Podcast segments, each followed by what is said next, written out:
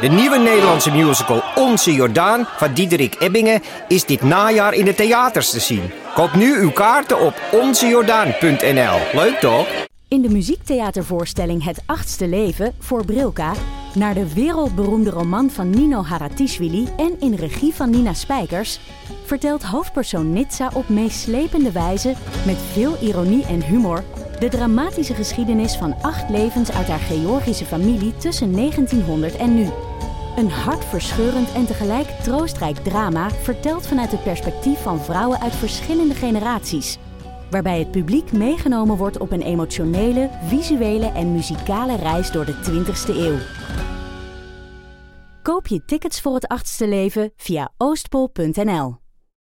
Hoi, Botte van de Eeuw van de Amateur hier. 20 december is de laatste aflevering van de Eeuw van de Amateur voor dit jaar. Uh, we willen daar een bijzondere van maken met het beste, meest bijzondere of gekste van het afgelopen jaar dat voorbij kwam in de Eeuw van de Amateur. En die kan jij mede maken. Laat mij weten welk fragment jou het meest heeft aangesproken en waarom dat was. Misschien was er een gast die iets zei waardoor je de wereld nu net even anders bekijkt. Maakte Ipe een opmerking waar je niet meer van bij kwam? Zei ik iets heel doms? Of zat je juist met een besmuikte glimlach in het OV om wat je op dat moment hoorde? Zoek op in welke aflevering dat was, waar het om gaat en in welke minuut dat gebeurde. Mail dat naar botten.eeuwvanamateur.nl en zo kan jij de laatste aflevering van dit jaar mede samenstellen. Laatste aflevering van dit decennium zelfs. Stuur het uiterlijk woensdag 18 december op, dan komt het goed. Alvast bedankt. Door met de podcast. Ik hoop dat ik niet allemaal knoflookwalmen uitwasen. Maar, uh, ja, dat heb ik. Ik heb uh, knoflook. Hè, wat zei je? Ja. ja alleen uh, knoflook. Nou, niet alleen maar, maar ja, rauw. Ik heb nu het idee dat het misschien achteraf misschien wel een soort hoofdbestanddeel was van uh, de maaltijd. Waarvoor excuses. Het was een, uh, een pastaatje. Niet te veel grapjes maken, want dan blijft het een ja, beetje bij jou. Inderdaad. oh, god. Um, nee, maar hoe, jullie hebben best wel, veel, best wel een groot bereik eigenlijk, toch? Of wil je dat ook op opnemen? Zet ja ik, heb hem al, ik heb hem al lopen. Ah, hij loopt dan. Jullie hebben best een groot uh, bereik. Ja. Toch? Dat gaat niet slecht. Nee. Nee. Ja, dat is echt wel cool. Ik, ik eerlijk gezegd kan ik op dit moment weet ik het niet zo heel goed, want uh, er is een oh, nieuwe, nee, manier van, nieuwe manier van. Je moet, traditioneel moeten jullie beginnen over hoe jullie elkaar nog kennen van de VPRO tien jaar geleden. ja, maar dat. Nee, ja, nee, dat, nee. nee. Oh. nee. nee. We gaan niet weer uitleggen over. We hebben inderdaad heel veel luisteraars. Ja. ja. Um, oh. Dit is een, een verboden, verboden, onderwerp. Nee, nee maar dan gaat Botte weer zeggen... ja, nee, het is een soort technisch verhaal... en dan gaat ja. Botte er weer de helft van de luisteraars afdoen... wat ook niet wenselijk is. Ja, maar jij ja. moet toch als... Jij zit natuurlijk helemaal... Jij zit natuurlijk in die podcast scene. Jij zit bij heel veel podcasts. Zo, ken, zo ken ik jou ook als zeg maar... degene waar, Alex, waar Alexander en, en Jan naar verwijzen... als het in hun podcast. Ja. ja. Uh, en, uh, en natuurlijk uh, via dag en nacht. Dus jij weet denk ik dan wel precies hoeveel luisteraars er zijn. En zo. Uh, ja. Maar jij zit ook bovenop de statistieken. Ik uh, zit niet bovenop de statistieken, want oh. dat, uh, dat geeft me te veel stress. Ah, um, en die, door die nieuwe manier vertellen, waar ik verder niks over zal zeggen... Um, ben ik op dit moment ook een beetje de tel kwijt. Want oh. ik kan het niet goed meer vergelijken met wat de trends nu zijn. Hm. Juist omdat er op een nieuwe manier wordt geteld. Hm. dus... Het gaat heel goed met de ja. van amateur. Daar ben ik heel blij mee. En jij, jij hebt van die stickers op je boek van uh, nu nog meer exemplaren verkocht. Ja, maar dat is uh, ja. En ik was er eigenlijk wel grappig, want ik had een discussie met mijn team hierover. Ja. En ik was er eigenlijk best wel. Ik was er eerst een beetje op tegen. Ja. Uh, want die stickers. Ja, want ik vind het eigenlijk. Ja, dan voelt het echt zo van. kijk, het is goed gaan. Terwijl ik ben echt niet zo'n ik ben niet zo'n persoon die dan die voortdurend van de daken wil schreeuwen. Kijk eens hoe geweldig ik ben.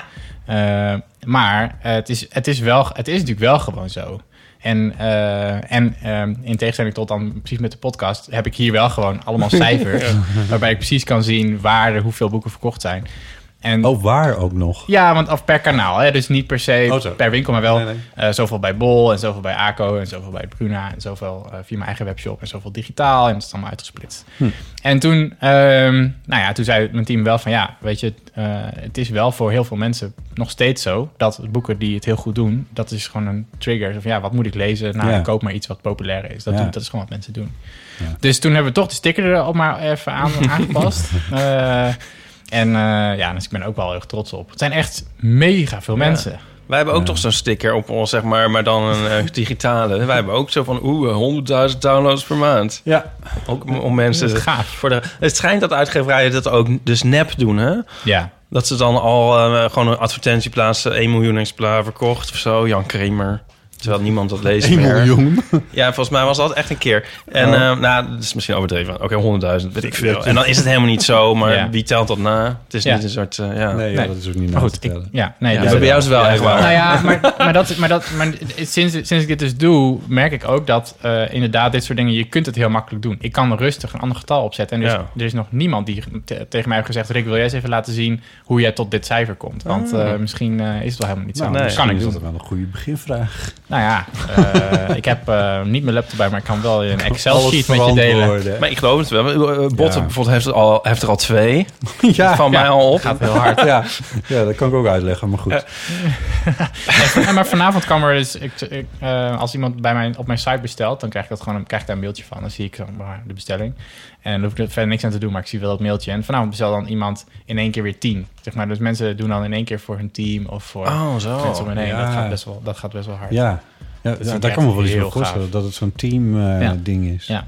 Dan verheug je je misschien ook wel een klein beetje op de Black Friday... en op de Ja. kerst, Sinterklaas en de kerst. Verheug, en, verheug. Maar ik bedoel, ja, deze, dit, wat dat betreft, dit hele ding is een, was een bizar, is een bizar verhaal. Dus het is, ik weet niet wat ik, Ja. wat ik moet verwachten eigenlijk. Hey. Voordat we verder gaan, Oh. zal ik eventjes Oh, ja. officieel of... eh, Oh.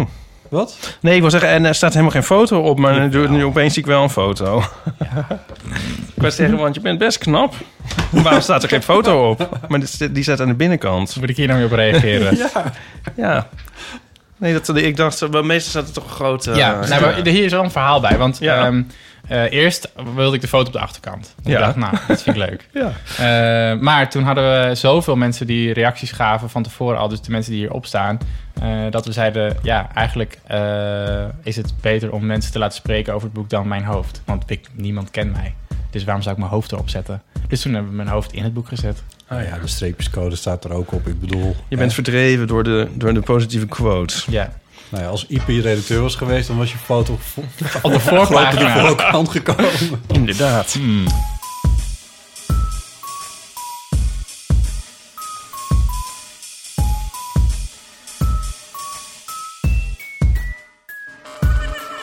Welkom bij Deel van Amateur, aflevering 118. Met deze keer natuurlijk Ipe Driessen. Hardo. En Rick Pastoor. Hallo. Jij hebt het boek Grip geschreven. Ja. Wat ik om te beginnen een fascinerende titel vind. We gaan het zeker zo nog verder over het boek hebben. Hmm. Je vertelde er net ook al over. Ik dacht, dat is het toch goed gekozen. Want je kan het boek in het Engels vertalen. En dan blijft het gewoon hetzelfde. Ja, nou ja, daar, daar twijfel ik nog heel erg aan. Eh, ik, denk het, ik denk eigenlijk dat het niet ook grip gaat heten. Omdat eh, ik, ik, heb, eh, ik werk met iemand samen die me helpt voor de Engelse versie, voor de internationale versie. En we hadden het over de titel. En toen zei ze van ja, eh, toen zei ik, ga, denk je dat het grip gaat heten? Eh, Ja. Want ik dacht inderdaad, fijn, Grip. weet je wel, Ja, handig. Ja. En toen zei ze, ik heb het nog niet eens overwogen. Ze heeft wel andere over, dingen overwogen, maar grip niet. Omdat het is een ander soort, ja, je zegt get a grip of, ehm, Oh. of zo. En het is niet, mensen gebruiken niet in het Engels het woord Mm. grip als zijnde hoe ik het bedoel in het Nederlands. Juist. Dus die vlieger gaat waarschijnlijk niet op. Oh, Ja, dat is had je hem wel zo bedoeld? Of? Nee, zo is het Oh. niet bedoeld. Nee. Oh. Nee. Hey, en eh, je liet de naam van Alexander ook al even vallen. Dat is Ja. Alexander Klupping, de man achter Blendel. En Ja. jij was de tweede man achter Blendel. Nou, nee, niet echt tweede man. De binnenbaas. Binnen binnenbaas, ja. Dus ja, ik heb heel lang, eh, ja, vanaf 2014 bij, eh, begon ik bij Blender als een van de programmeurs. En ik, ik heb informatica gestudeerd, dus ik ben wel echt een nerd. Waar studeerde je dat? In Zwolle heb ik dat Oh ja. gestudeerd, aan het Windersheim. Ja. En, ehm, en toen, toen kwam ik daar werken en toen ben ik nou ja, door de jaren heen ja, een soort van steeds meer verantwoordelijk geworden voor het team. En Ja. dan werd ik soort eh, de manager. En, maar, dit is misschien een heel stomme vraag, maar werk je dan nog steeds?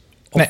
Nee. Ik kijk er nu niet meer. Ja, dat meen ik te begrepen, Ja. begrepen te hebben in ieder geval. Ja, klopt. Nou, dat, en, dat, en dat vind ik nog steeds eigenlijk best wel... Mensen zeggen, mensen zeggen dan van, eh, oh, eh, is het dan fijn of eh, was je er zat van? En eh, dat was helemaal niet zo. Ik was helemaal niet zat van, maar er was... eh, ja, eigenlijk ook raar, want dat boek gaat over dat je keuzes Ja. moet maken over in je tijd. En eigenlijk was ik drie banen tegelijk aan het doen, namelijk eh, fulltime bij mijn Blendel en dan dit en mijn dochter. Ja. Het zijn gewoon best wel drie dingen Ja. die veel tijd kosten. En, eh, en ehm, toen dacht ik wel van ja, eigenlijk kan het niet zo langer. Merkte dat ik niet helemaal mijn werk kon doen zoals ik het wilde doen. En ik kon ook niet snel genoeg doorgaan met het, met het boek. En eh, ik wilde eigenlijk ook een dag in de week thuis zijn. En dat deed ik namelijk niet. Hm. Dus toen heb ik eh, een zomer lang eh, nagedacht. Afgelopen zomer. Afgelopen zomer heb ik een maand vrijgenomen. En toen heb ik gedacht, oké, wat hoe wil ik het eigenlijk doen? En eh, ehm, hoe zie ik dat voor me? En toen dacht ik, ja, ik moet eigenlijk gewoon gaan kiezen of het boek of Blendel. Ehm, en het geluk was eigenlijk dat er net een paar mensen bij waren gekomen bij Blendel die een deel van mijn werk hadden overgenomen. Eigenlijk in die maand al. En dat ging eigenlijk al zo goed. En toen ik zelf een beetje dacht van ja, het is misschien eigenlijk ook wel gewoon een goed moment. Het is eigenlijk misschien wel gewoon een goed moment. Want wa- wanneer is het uitgekomen dan? Dit boek is in eh, januari uitgekomen Ah ja. van dit jaar. Ja. Dus, eh, en ik dacht dat, er dat het boek, eh, nou, ik dacht als ik er 3000 verkoop, dat is echt al heel veel voor boeken.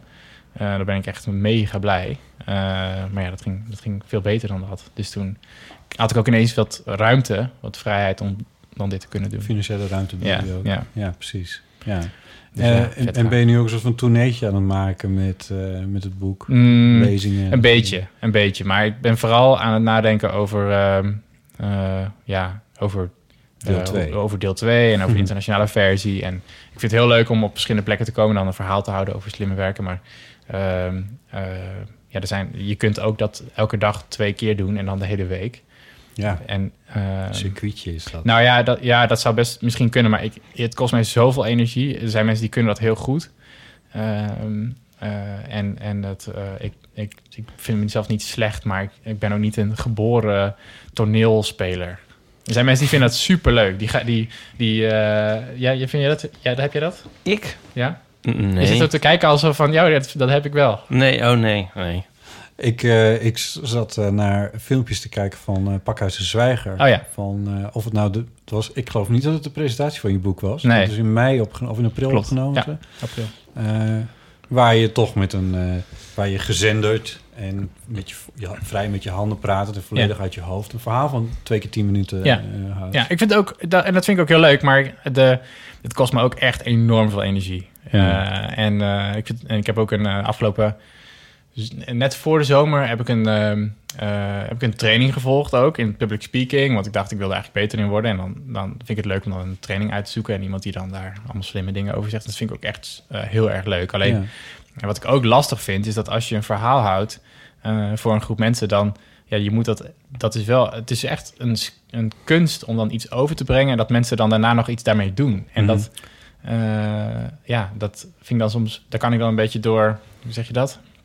Dat ik wegloop en denk, nou, wat heb ik nou eigenlijk gedaan? Hmm. Mensen gaan dan weg en eh, helemaal als je naar een conferentie gaat. Ik weet niet of je wel eens op zo'n zo'n typische zakelijke conferentie bent geweest, maar daar gaan dan mensen naartoe en die krijgen een dag van hun baas, mogen ze een dag naar een conferentie en lekker lunchen, en lekker even lekker niet eh, aan het werk. Ja. En die gaan de hele dag eh, lekker achterover zitten en die krijgen leuke verhaaltjes en dan kom je thuis en dan heb je een lekker dagje uitgehad. Nou, en als je dan een verhaal houdt Ja. met heel veel energie en dat je denkt ik wil heel graag iets overbrengen, dan, dan ehm, kan dat best wel frustrerend zijn, omdat het, eff- het netto-effect gewoon niet zo groot eh, is. Misschien, dat weet je namelijk helemaal niet. Nou ja, en dat, en dat is het verschil is, maar als je software maakt, met, als je iets programmeert, dan kun je het gewoon heel direct meten van dit heb ik gemaakt en dit is Ja. het effect. Ja. Het is zo'n contrast. En dat is je achtergrond. Dat is mijn achtergrond. Ja, Dus, het, dus dat is dan dat ik dan denk, ja. Maakt het je onzeker? hmm, maakt het me onzeker? Nou, ik kan wel sprekers zien dat ik echt denk, wow, dit is zo, dit, komt, dit gaat je zo natuurlijk af. En in die zin is Alexander natuurlijk ook een, een, een voorbeeld van. Iemand Ja. die heel makkelijk praat en Ja. eh, mensen ook echt aan zijn, mensen hangen aan zijn lippen, zeg maar, als hij iets vertelt. En, ehm, en dat, is een, dat is echt een kunst. En mensen denken soms van, ja, dat is lekker een beetje praten, maar dat is natuurlijk helemaal niet zo. Nee, ik zit altijd met bewondering naar te kijken om eerlijk te zijn. Ja, Bij eh, podcast over media. Ja, dat, en, en dat heb ik ook. En dat Ja. heb ik natuurlijk bij Blender heel veel gezien. Dat, en ook niet alleen voor groepen, maar ook in vergaderingen en in belangrijke besprekingen. Het is gewoon echt een kunst om dan eh, in één keer goed uit je woorden te komen of heel overtuigend te zijn. En, en dat... eh, Ik kan me dan al echt totaal niet meer voorstellen... dat jij dat niet zou kunnen na dit eh, alles. Maar eh, Nee, maar Ja. het, is, het is wel... Ik sprak toen met... ehm, eh, ik heb een keer met Ben Tichelaar gesproken. En Ben Tichelaar, dat is zo iemand die... eh, die heeft ook een aantal van deze boeken geschreven. En, Even denken, wat een de management, van- Een management eh guru is Ja, eigenlijk. inderdaad. Ja. En eh, toen vroeg ik hem van, hoe, hoe- vind jij dit nou eigenlijk? Als je dan voor een zaal staat en mensen... Misschien nemen mensen er wel niks van mee of is er één iemand in de zaal. En hij zei, ja, één vind ik dat eigenlijk al genoeg. Ja. En twee, zij zei, ik, ik vind het al leuk om spreekbeurten te geven vanaf, mijn, vanaf de basisschool. Ja. Ik vind het gewoon leuk om een, verhaal, een mooi verhaal te vertellen. En toen Ja. dacht ik, wow, dat had ik echt niet. Want ik stond namelijk echt met klotsende oksels. eh, Al de hele week zat ik al in de klas van, oh shit, we moeten weer een spreekbeurt houden. Ja. ja, Dus het is ook een soort, bijna een soort van, wat wil je dan, ja, waar ga je dan, wat vind je leuk als persoon? En dat, dat eh, heeft hij dan wel. En ik, eh, ik heb dat inmiddels wel iets meer, maar ik zou dat, ik, zou- het, ja, het kost gewoon heel veel energie. De reden dat eh, hier twee exemplaren van Grip, Grip liggen... is dat er onlangs een eh, hardcover is verschenen. Ja. En, ehm, en ik mailde met het eh, team achter het boek Taal voor de Leuk... van Paulien Cornelissen, Mhm, ook mhm. nou verbonden aan deze show... Ehm, over de nominatie van Tafel de Leuk voor de NS Publieksprijs. En toen zeiden zij... Oh, eh, wil je nog een... eh, ik hoor je over grip en eh, wil je ook de hardcover hebben? En die heeft eh, Rut mij toen Ja. toegestuurd. Ja. Waar nog voor nog steeds dank. Eh, die andere heb ik zelf gekocht. Ehm, de, Waarvoor ook de, dank. De, Zo. de papieren, papieren versie. Ik denk, ik zeg het er maar even bij. Ja. Daarom zijn er dus twee. Ja. Maar dat, het, dat is het leuke ook nog. Die, eh, en daar was ik eigenlijk wel nieuwsgierig naar. Waarom heb je gekozen voor eh, dat team om eh, je boek uit te geven? Nou, eh, ik had, eigenlijk heb ik er niet zo- zozeer voor gekozen, want ehm, ehm, uiteindelijk natuurlijk wel. Maar ik kwam eerst, sprak ik met Harminke Medendorp. En dat is, eh, dat Arminke is, en Rut zijn... Dat is een team. En, Dat- ja. Precies. En, eh, en Maarten uh, Richel zijn nog aan verbonden. Dus met z'n drieën zijn ze een team. Ja, En, ehm, en Rut Bergmans voor de volledigheid. Ja. En ehm, ik sprak eerst met Harminke. En toen zei Harminke, eh, eh, die, zei, die, zei, die vroeg ik van... nou, misschien kunnen we iets doen dat, dat zij een redacteur voor mij zou zijn. Dat zij me zou helpen met het schrijven. En toen zei zij, ik heb twee andere mensen... met wie ik ook samen projecten doe. En zouden kunnen kijken of je het leuk vindt om dat met ons te doen. ja. En toen dacht ik, nou leuk, laten we kennis maken. En dat hebben we toen gedaan. En eh, toen was ik eigenlijk gewoon... Toen dacht ik al, ja, zij kunnen alle drie dingen die ik niet kan... waar ik niets van weet en niks van begrijp. En zij dachten, ja, dit lijkt ons wel een leuk project. We kennen jou niet en je hebt nog nooit iets geschreven. Maar nou, ze geloofden me op mijn blauwe ogen. Eh, en toen, ehm, eh, ja, toen, toen hebben we dat gedaan eigenlijk. Ja. dat is een beetje Dus, de- het klinkt alsof je er pas later achter kwam... dat dat ook het team achter Taal voor Leuk... Dat eh, zeiden ze, ja, dat, dat hebben ze wel toen gelijk verteld. Ehm, eh, maar wat wel vaker ook gebeurt, is dat eh, ik weet heel weinig van, nou nu iets meer, maar ik wist toen eigenlijk niks van de boekenwereld. Dus dan laten ze allemaal namen vallen en allemaal mensen. En dat ik denk, ja, geen het idee eh, wie ja. dit allemaal zijn. Paulien. Eh, nou, dat wist ik dan, dan wel. Maar, ehm, eh, maar een heel aantal andere namen ook, ook niet. Dus het was vooral dat ze zeiden van... joh, wij hebben gewoon een aantal ehm, skills die wij, die wij Ja, wat, kunnen. wat voor dingen waren dat dan? Ben ik eigenlijk wel nieuwsgierig naar. Dingen die jij niet kon en die zij dan Nou, wel... Rut bijvoorbeeld is iemand die, ehm, eh, die kent gewoon praktisch de hele Hmm. mediawereld. Maar dan vooral de eh, print, dus eh kranten, tijdschriften. mhm. En dan moet je precies de juiste mensen weten die dan over de juiste, eh, nou ja, de juiste stukken gaan in de kranten, tijdschriften. Zodat je weet van oké, die willen misschien wel een interviewtje geven of een stukje over, over die boeken schrijven. Dus dat PR-stuk, en dat ze ook zei, nou, ik, we kunnen je helpen met het. wat voor verhaal vertel je dan? En wat is je pitch? En, en hoe breng je dat? En Hmm. hoe, hoe zit je in interviews? En eh, hoe, hoe reageer je als mensen bepaalde vragen stellen? Eh, daar, dat, dat vertelde zij dat ze dat kon, mij kon leren. Eh, Nou, dus dat is prettig. Ja? En ehm, eh, en haar- haar- bij Harminke, en dat is bij alle drie zo. Maar ik kom bij elk, elke keer, dan, dan gebeurt er weer iets. En dan springt een van hen erin. En dan, dan denk ik, oh ja, zij weten dit ook nog. Dus het was bijvoorbeeld dat, we, dat er dan... ehm, Harminke meeging naar de eerste keer dat, we, uh, dat het boek gedrukt werd. En dat zij zich ging bemoeien met hoeveel zwarte inkt er op dat boek werd gedrukt. En dat ik echt dacht, ja. oké, okay, ja, je moet dit maar net weten. Ja. Want ik zou gewoon zeggen, stuur het naar Albelly of zo, weet je wel. De, dat is ongeveer mijn print het ergens. Ja. Maar zij weten precies van, nee, deze drukker wel en deze niet. En dan moet je daar en deze persoon. Maar je bent, jij bent eigenlijk, of jullie zijn dan de uitgever, of jij? Of hoe ik, ben, ik ben de uitgever. uitgever zelf. Ja, en Ja. eh, zij, uh, zij zijn onderdeel van, van mij, zeg maar. En dan moet je, want het heet uitgever NZ. NZ. Ja. Hoe heb je dat verzonnen? ja, ik moest een naam. Ja. ik moest iets kiezen. En toen uh, dacht ik, ja, uitgever NZ, want... Oké, okay, het, het, ja, het is een beetje cheesy, maar uh, mijn dochter heet Nore Zoe. Ah. Dus dat was het. En ik ben in de tijd verhuisd van Noord naar Zuid. Ah. En de derde is... Uh, het er staat op het boek staat ook een soort van kompas dingetje, natuurlijk van Noord-Zuid. Ja. En uh, het boek gaat ook over richting geven. Nou, Nou, hey, ja. Nou, je leuk, hè? fantastisch, ja. ja. dat weten mensen niet. Maar dat is leuk. Wa- Wat weten mensen niet? Dit? Oh, dit alles. Ja. Nee? En um, heb je niet... Uh, is, heeft Stefan Enter niet kwaad gebeld? Nee. Oh. Ja, die had natuurlijk een boek met, met die titel. ja. Ja, Oh ja. misschien Niet, niet zo lang geleden. En ook wel goed verkocht. Ja, maar dat is totaal niet het genre waar, Nee, ik, is ook waar zo. ik in... eh, Ja. Ik weet het, ja. Ja. Dat is een goed, eh, ja. Heb je ja. gelezen? Nee. Nee. Jij wel?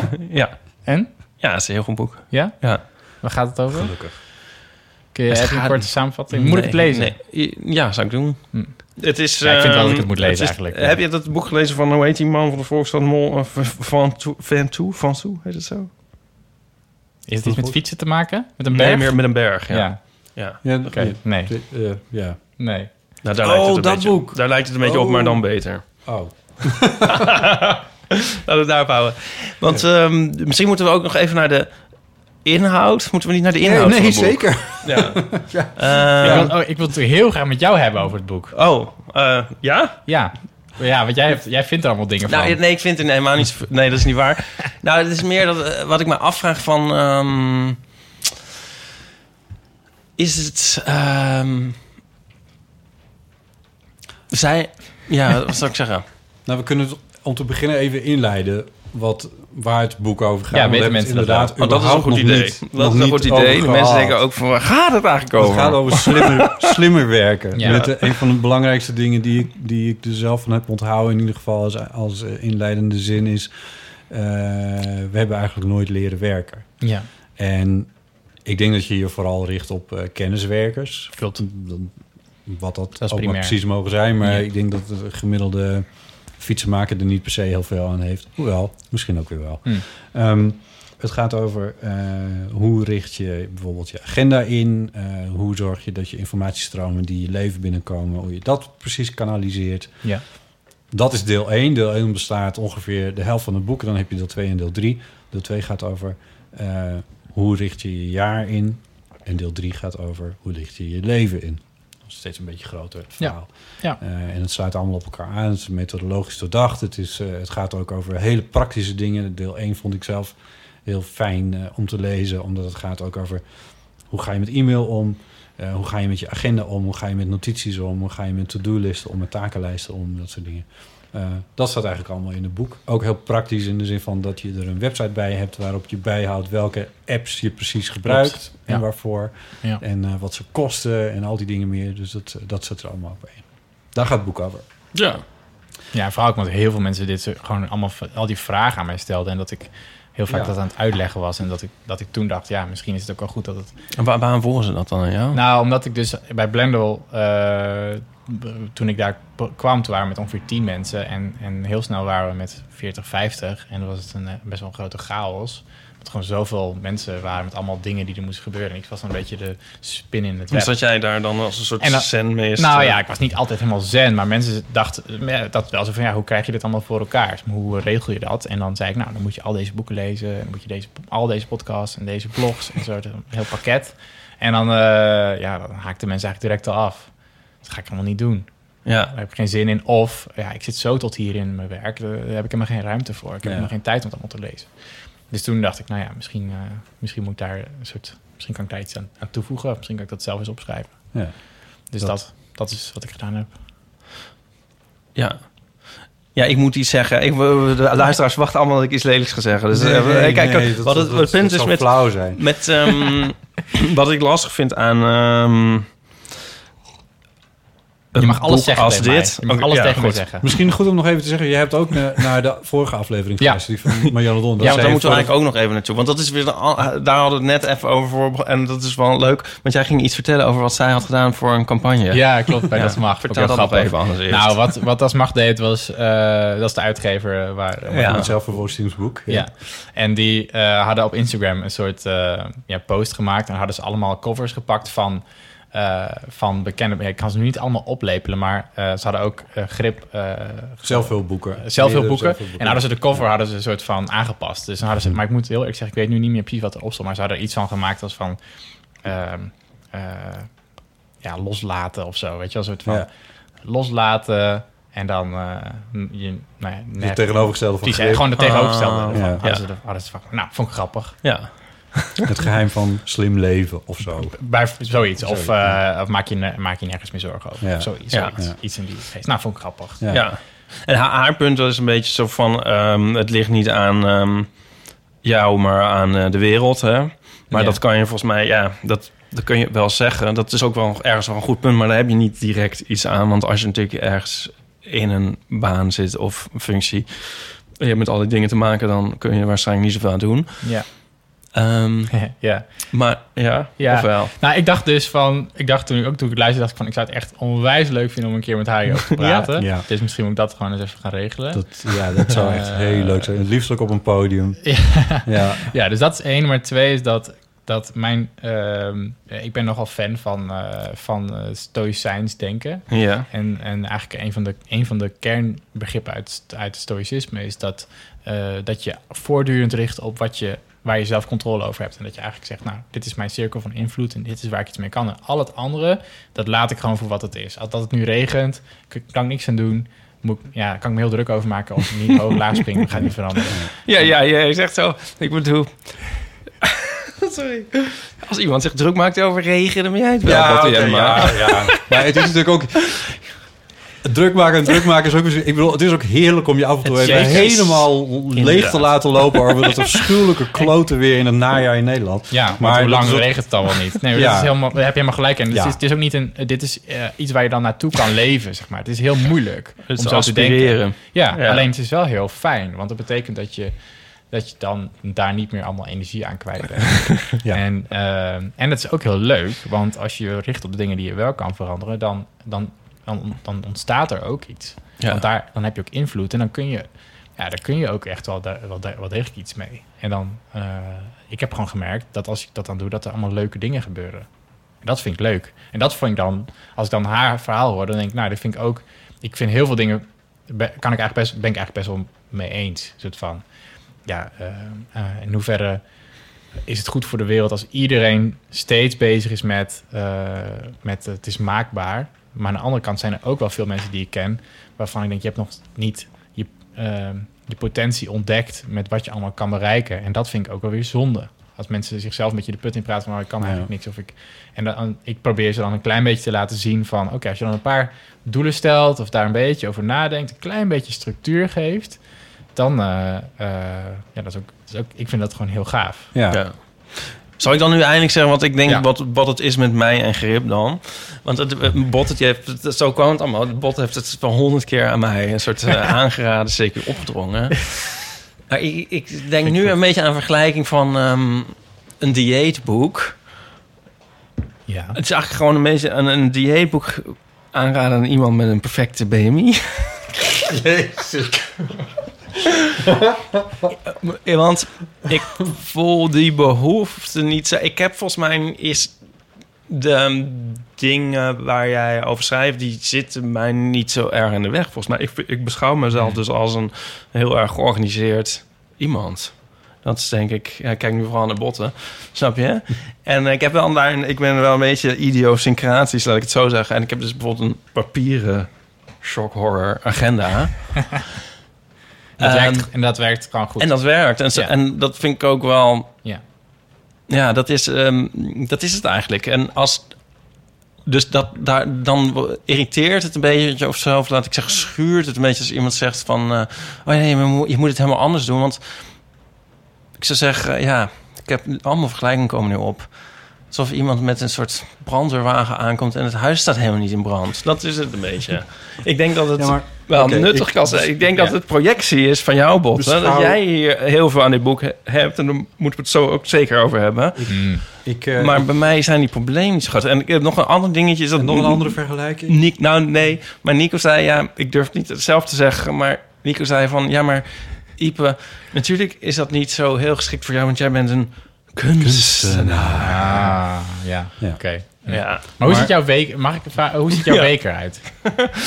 Gewoon even... Eh, dat, dat hoofd. Nou ja, ik, eh, ik kijk. wij, wij delen niet alleen een podcast, maar wij delen ook nog eens een keer een bureau. Een leven. Eh, nee, ja, dat, dat, dat godzijdank niet, maar wel een, eh, wel een bureau. Maar Ipe, Ja. denk je nou oprecht te vloeken en te zuchten. zit dat ik, dat ik dit soort dingen aan jou zou aanraden als, ik, als er niet een aanleiding toe zou zijn geweest? Ik bedoel, als jij, ik, ik, ik, ik geloof meteen dat er voor heel veel mensen een papieren agenda uitstekend werkt. Maar er zijn zoveel momenten geweest in... Hoe lang zitten we nu tegenover elkaar? Ander- Een jaar, anderhalf jaar?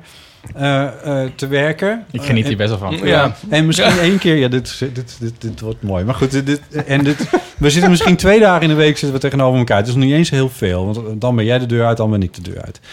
Ehm, Het voelt langer. en, ja. en, en ja, ik kom meestal binnen van, oh, ik wil dood. Kom ik meestal binnen. Kan ja, dat, is, zeggen? dat begint het dan al Ja. mee. Maar dat kan ook om heel veel redenen zijn. Van ehm, dat ik in de supermarkt achter een vervelend iemand stond of zo. Ja, Toch? nee, natuurlijk, dat Dat is kan. gewoon een beetje mijn... of Maar, wat, maar daar ook iets over? dan had ik je, daar, had ik je ook niet eh quote-unquote lastig gevallen met grip. Maar, ik, maar de, de, de, ik, bespeurde... Nou, bijvoorbeeld één opmerking die jij regelmatig gemaakt is van... Ja. ik kan maar één, dag, één ding per dag doen. En ergens denk ik soms, daar heb je een punt. En soms denk ik, het is in jouw hoofd te ongeordend... om op één dag meer dan één ding te kunnen doen. Zeg ik toch als ik er maar één ding doe? Ja, dat heb je Nee. echt wel drie keer tegen me gezegd.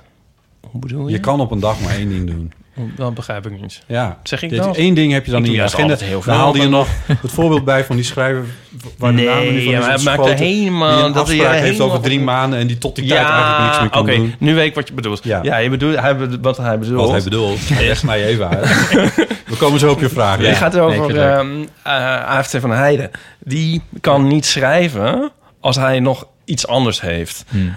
En dat, dat zou dan zo ver gaan eh, dat als hij zeg maar over een jaar of zo een tandartsafspraak heeft, dan kan hij niet schrijven. Want dan zit hij van, oh god, ik moet nog naar de tandarts. Daar heb ik inderdaad, geef ik toe, last van. Als ik smiddags een of ander vreselijk iets heb, dan... Maar dat, dat, dan kan ik niks, hè. Niks tussen aanstekens, maar dat, dat is niet helemaal zo. Want ik kan dan wel domme dingen. Ik kan dan alleen niet Ja, een... ehm, ja, wat kan ik dan niet? nee, nee, maar ja, het is niet goed voor mijn inspiratie, zeg maar. Ja, maar ik, ik begrijp het ook wel. En, en eh, alleen, Hmm, zegt Rick. ik heb... Nou ja, ik heb dus... nog even. De reden dat ik met grip naar jou toe kwam, Ja. was omdat ik dacht... Jij mist, het, jij mist het overzicht op bepaalde momenten in je leven. En dan kun je nog honderd keer kunstenaar zijn... maar overzicht geeft zoveel rust. Ja, maar dat vind ik nou juist niet. Want ik heb dus de afgelopen... eh, ik ben eigenlijk sinds mijn twaalfde al maak ik strips voor dingen, Ja. betaald en wel. En nu, eh, zeg maar, 13 jaar fulltime professioneel. Ja. En ik heb nog nooit een deadline gemist. Nee, en ik heb je nog bent- nooit eh, hoeven, een keer moeten afzeggen of zo. Nee. Of zeggen oh, Je bent gelukt. overal altijd op tijd. In ieder geval bij de dingen die belangrijk zijn. Ik heb, kan me niet herinneren dat jij een keer ergens te Het laat bent gekomen. om, dit gesprek. Nee, ja, nee maar dit, dit doe je dus heel goed. Alleen Ja. ik zie je dus soms tegenover me zitten... met, met, in, met, met paniek in je ogen over hoe je de dag weer door kan komen. Ja, maar na de paniek, na de week, dat geloof ik niet zo. Ja, nou ja, je bent ook de meester van de, ik ben van de een beetje, hyperbol. een beetje schichtig. Maar, Oké, maar nog even, want Ja, ik ben ja, heel ja. benieuwd naar, naar, de, naar de... Nou, de één dag de week, maar je zegt ook van, ik ben een kunstenaar. Wat is dan... Nee, wat ik is, zei wat het is expres dat? van Nico zegt dat, want ik durf dat natuurlijk niet van Nee, maar, je zeggen. bent, maar, maar ja, het werk wat je doet is niet eh, gewoon aftikken van lijstjes, maar je, je moet over iets creatiefs, je moet met iets nieuws komen, of een nieuws zo'n fotostrip, Ja. of iets grappigs. En dat Ja. komt gewoon wanneer het komt. Het is niet, ja, je kunt niet Nou- zozeer bedenken van ik ga nu een grap bedenken, Nee, toch? nou, dus, dus dat is het probleem met de planning. Want soms eh, komt het vanzelf en soms moet het. En dan moet je er een soort tijd voor inplannen. Maar dat, die tijd die is heel moeilijk in te plannen. Want je weet niet hoe lang het duurt. En soms gaat het vanzelf. en Soms heb je aan het eind van de tijd die je had gereserveerd nog niks. En dat, dat maakt het lastig. Ja, en dat doe je dan wel. Je reserveert dan wel tijd. Dus je bedenkt van vandaag ga ik X doen. Ja. En dan aan het eind van de dag is het misschien wel of niet af. En dan bedenk je de dag erna, ik ga er weer mee verder. Of... Want hoe haal je dan Ja. die deadlines altijd? Nou, ehm het vergt ook best wel veel van mezelf. Nou, kijk, oh, ik kan het. Ik doe helemaal niks. Ik Ja, te kijken. Nou, afgelopen maandag bijvoorbeeld moest ik... Ik had afgelopen dinsdag een... ehm, dit was al een beetje living on the edge. Ehm, wat is het vandaag eigenlijk? Woensdag? Woensdag. Woensdag. Het is woensdag. Wist ik. waar, is die, waar is die papieren bundel van je?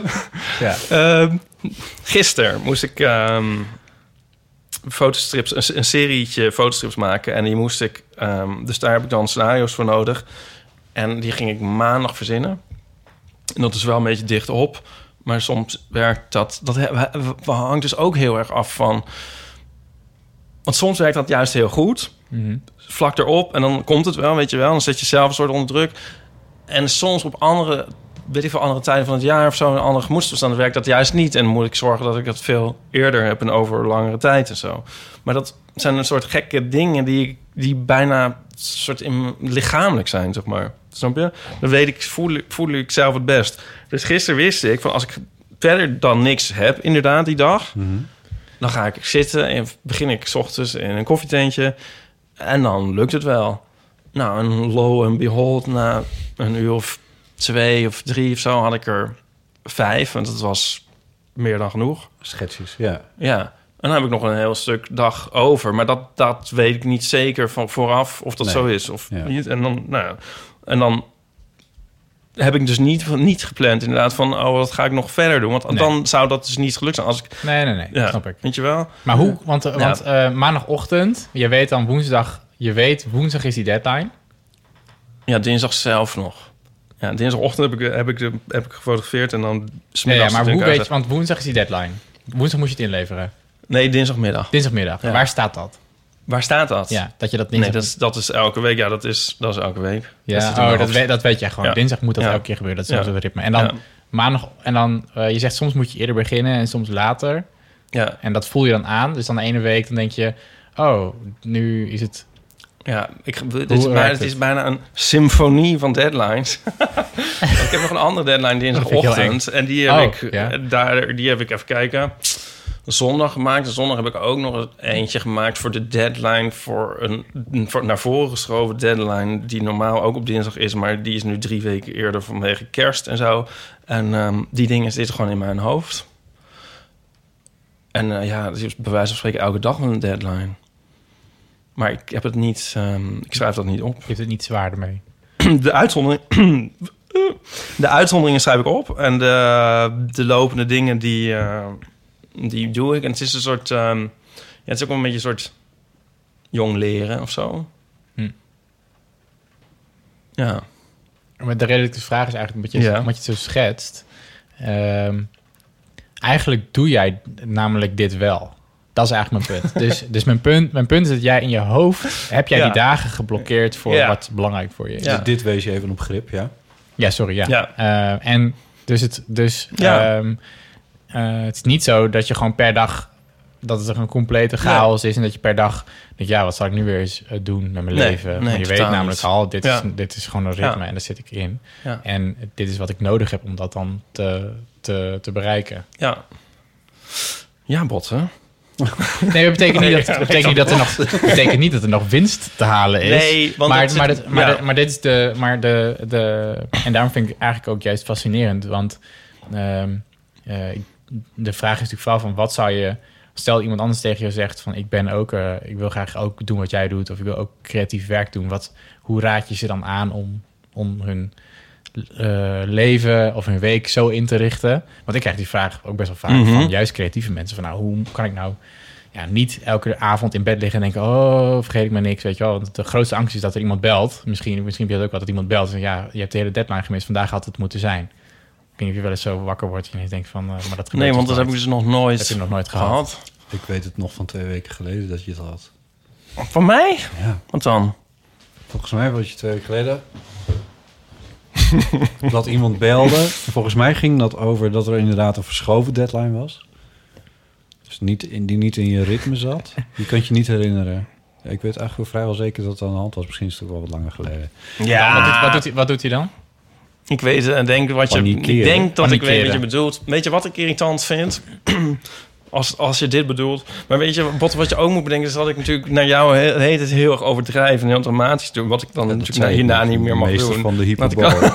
dat ik dat wel leuk vind. Nee, weet je wat ik Oh, ja. irritant vind? Ja. Ik weet bij, bij bladen en zo... die hebben dan een soort productieschema. Oh ja. En dan weet je wanneer de deadline is. Hm. Ik bedoel, je, je hebt een deadline. Maar bij sommige bladen hebben dus een bizar naar voren geschoven deadline. En als je eenmaal erachter komt van... oh, als we één keer hebben gezegd... het kan ook nog wel een weekje later of twee. En soms kan het zelfs vier, vier weken later. En dan wordt het lastig voor mij. Mm. En daar, met die heb ik wel eens een probleem. Ja, grappig. Ja, en ik zit te denken... Ja, want dan kan je tegen heel gekke dingen aanlopen. Je merkt het bijvoorbeeld als je een eh WeTransfer stuurt of zo... die dan gewoon verloopt. En dan heb je hard zitten werken voor je deadline... en dan verloopt de WeTransfer. Dan denk je, oké, en dan is het niet eens op het moment dat die verlopen is... maar dan nog twee weken later van... oh, kan je die nog eens opsturen? Ja. Weet je wel? Of je stuurt iets op en dan vier weken later is het van... oh, eh, er staat ik word met DT quotenon, maar bij wijze van spreken.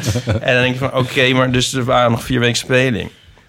En die dingen er zijn eigenlijk twee opdrachtgevers van waar ik weet dat dit is. En daar, die fucken me wel eens up. Want dan denk ik van, ja, volgens mij kan dit nog wel. Mm. Dus ik, maar ik vind het dan leuk om te zeggen van... oh, dat make, die deadline was al anderhalf week geleden. Wat ik dan waarschijnlijk heb gezegd.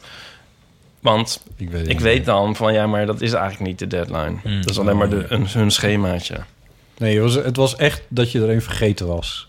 Ja? Ja, maar dat maakt ook niet uit. Als je je niet herinnert, dan is het ook niet een enorme ramp geweest. Ik bedoel, dat... Ja. eh, Weet je wat ook wel irritant is? Als ze dan zeggen van... ehm, eh, ja, wil je een ehm, een strip maken voor ons eh, kerstnummer? Dit heb ik één keer gehad. Wil je een strip maken over dat mensen sneeuw moeten opruimen... uit hun dakgoten moeten halen en zo? Want anders gaat het smelten en dan komen er lekkages en zo. De deadline is 27 juli. ja. ja. Echt serieus. En dan denk je van, wat? En dan moet je nog... Nou, oké, Snowworld. als overdreven Snowworld. juli. Maar ja... ja, precies.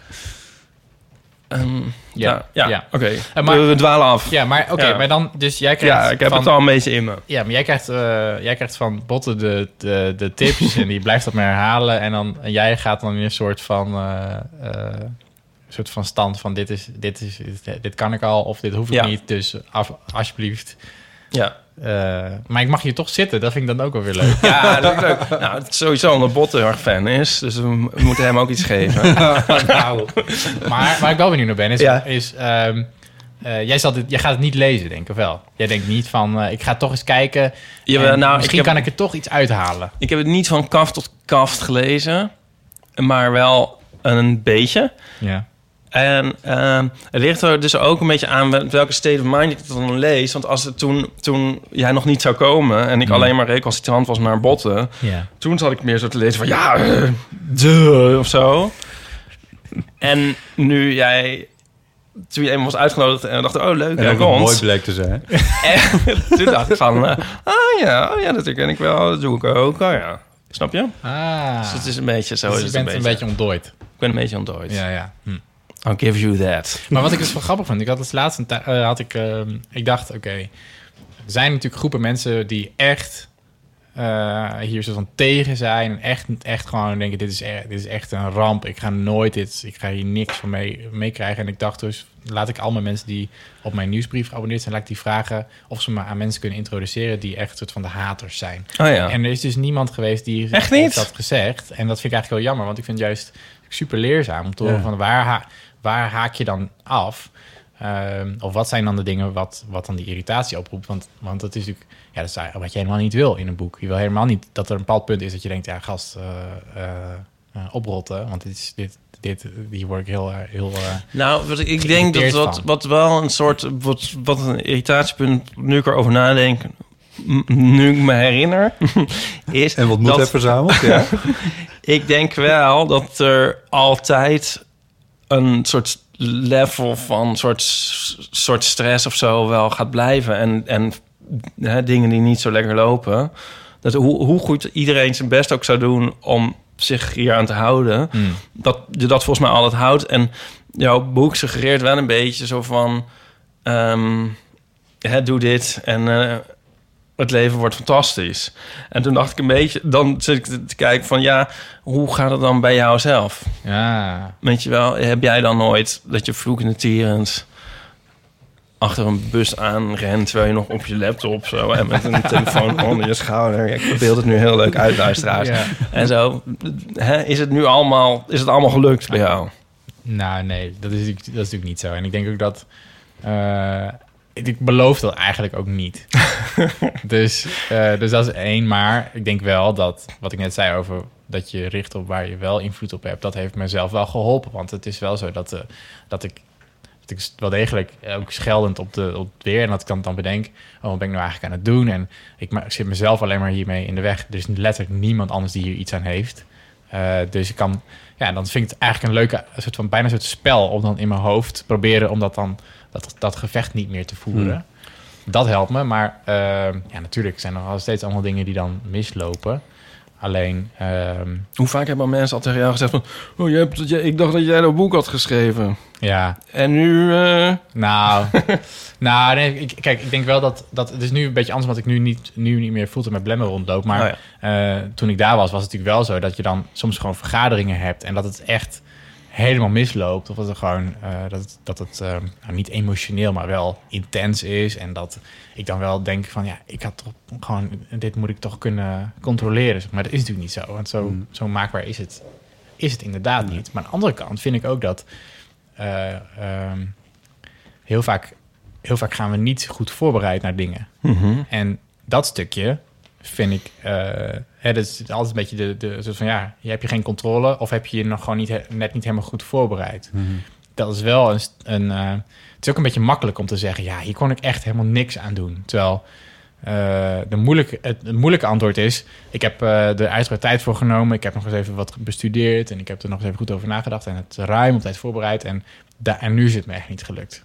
Dat, is het, dat, is het, dat is moeilijk makkelijk is om te zeggen, ja, het regende en eh, het, het liep allemaal in de soep en eh, ja, het is Ja. niet gelukt. Schuld buiten jezelf. En iedereen zegt dan ook, ja, oh ja, dat is oké. Want het is inderdaad eh, niet jouw, jouw fout. Ja. Snap je? Dus dat is wel, ehm, ja, dat, dat, ik vind het leuk om daar het dan over te hebben van wat is nou de, wat is hier nou echt misgegaan?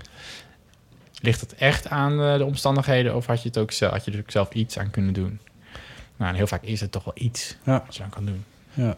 Ik zit ook te denken nou, van ehm, hoe dat is dan. Want je, eigenlijk ben, je- eh, je wil een soort controle hebben. Als ik het, mag ik het zo samenvatten een beetje. Hoe is dat dan om vader te zijn? Ja.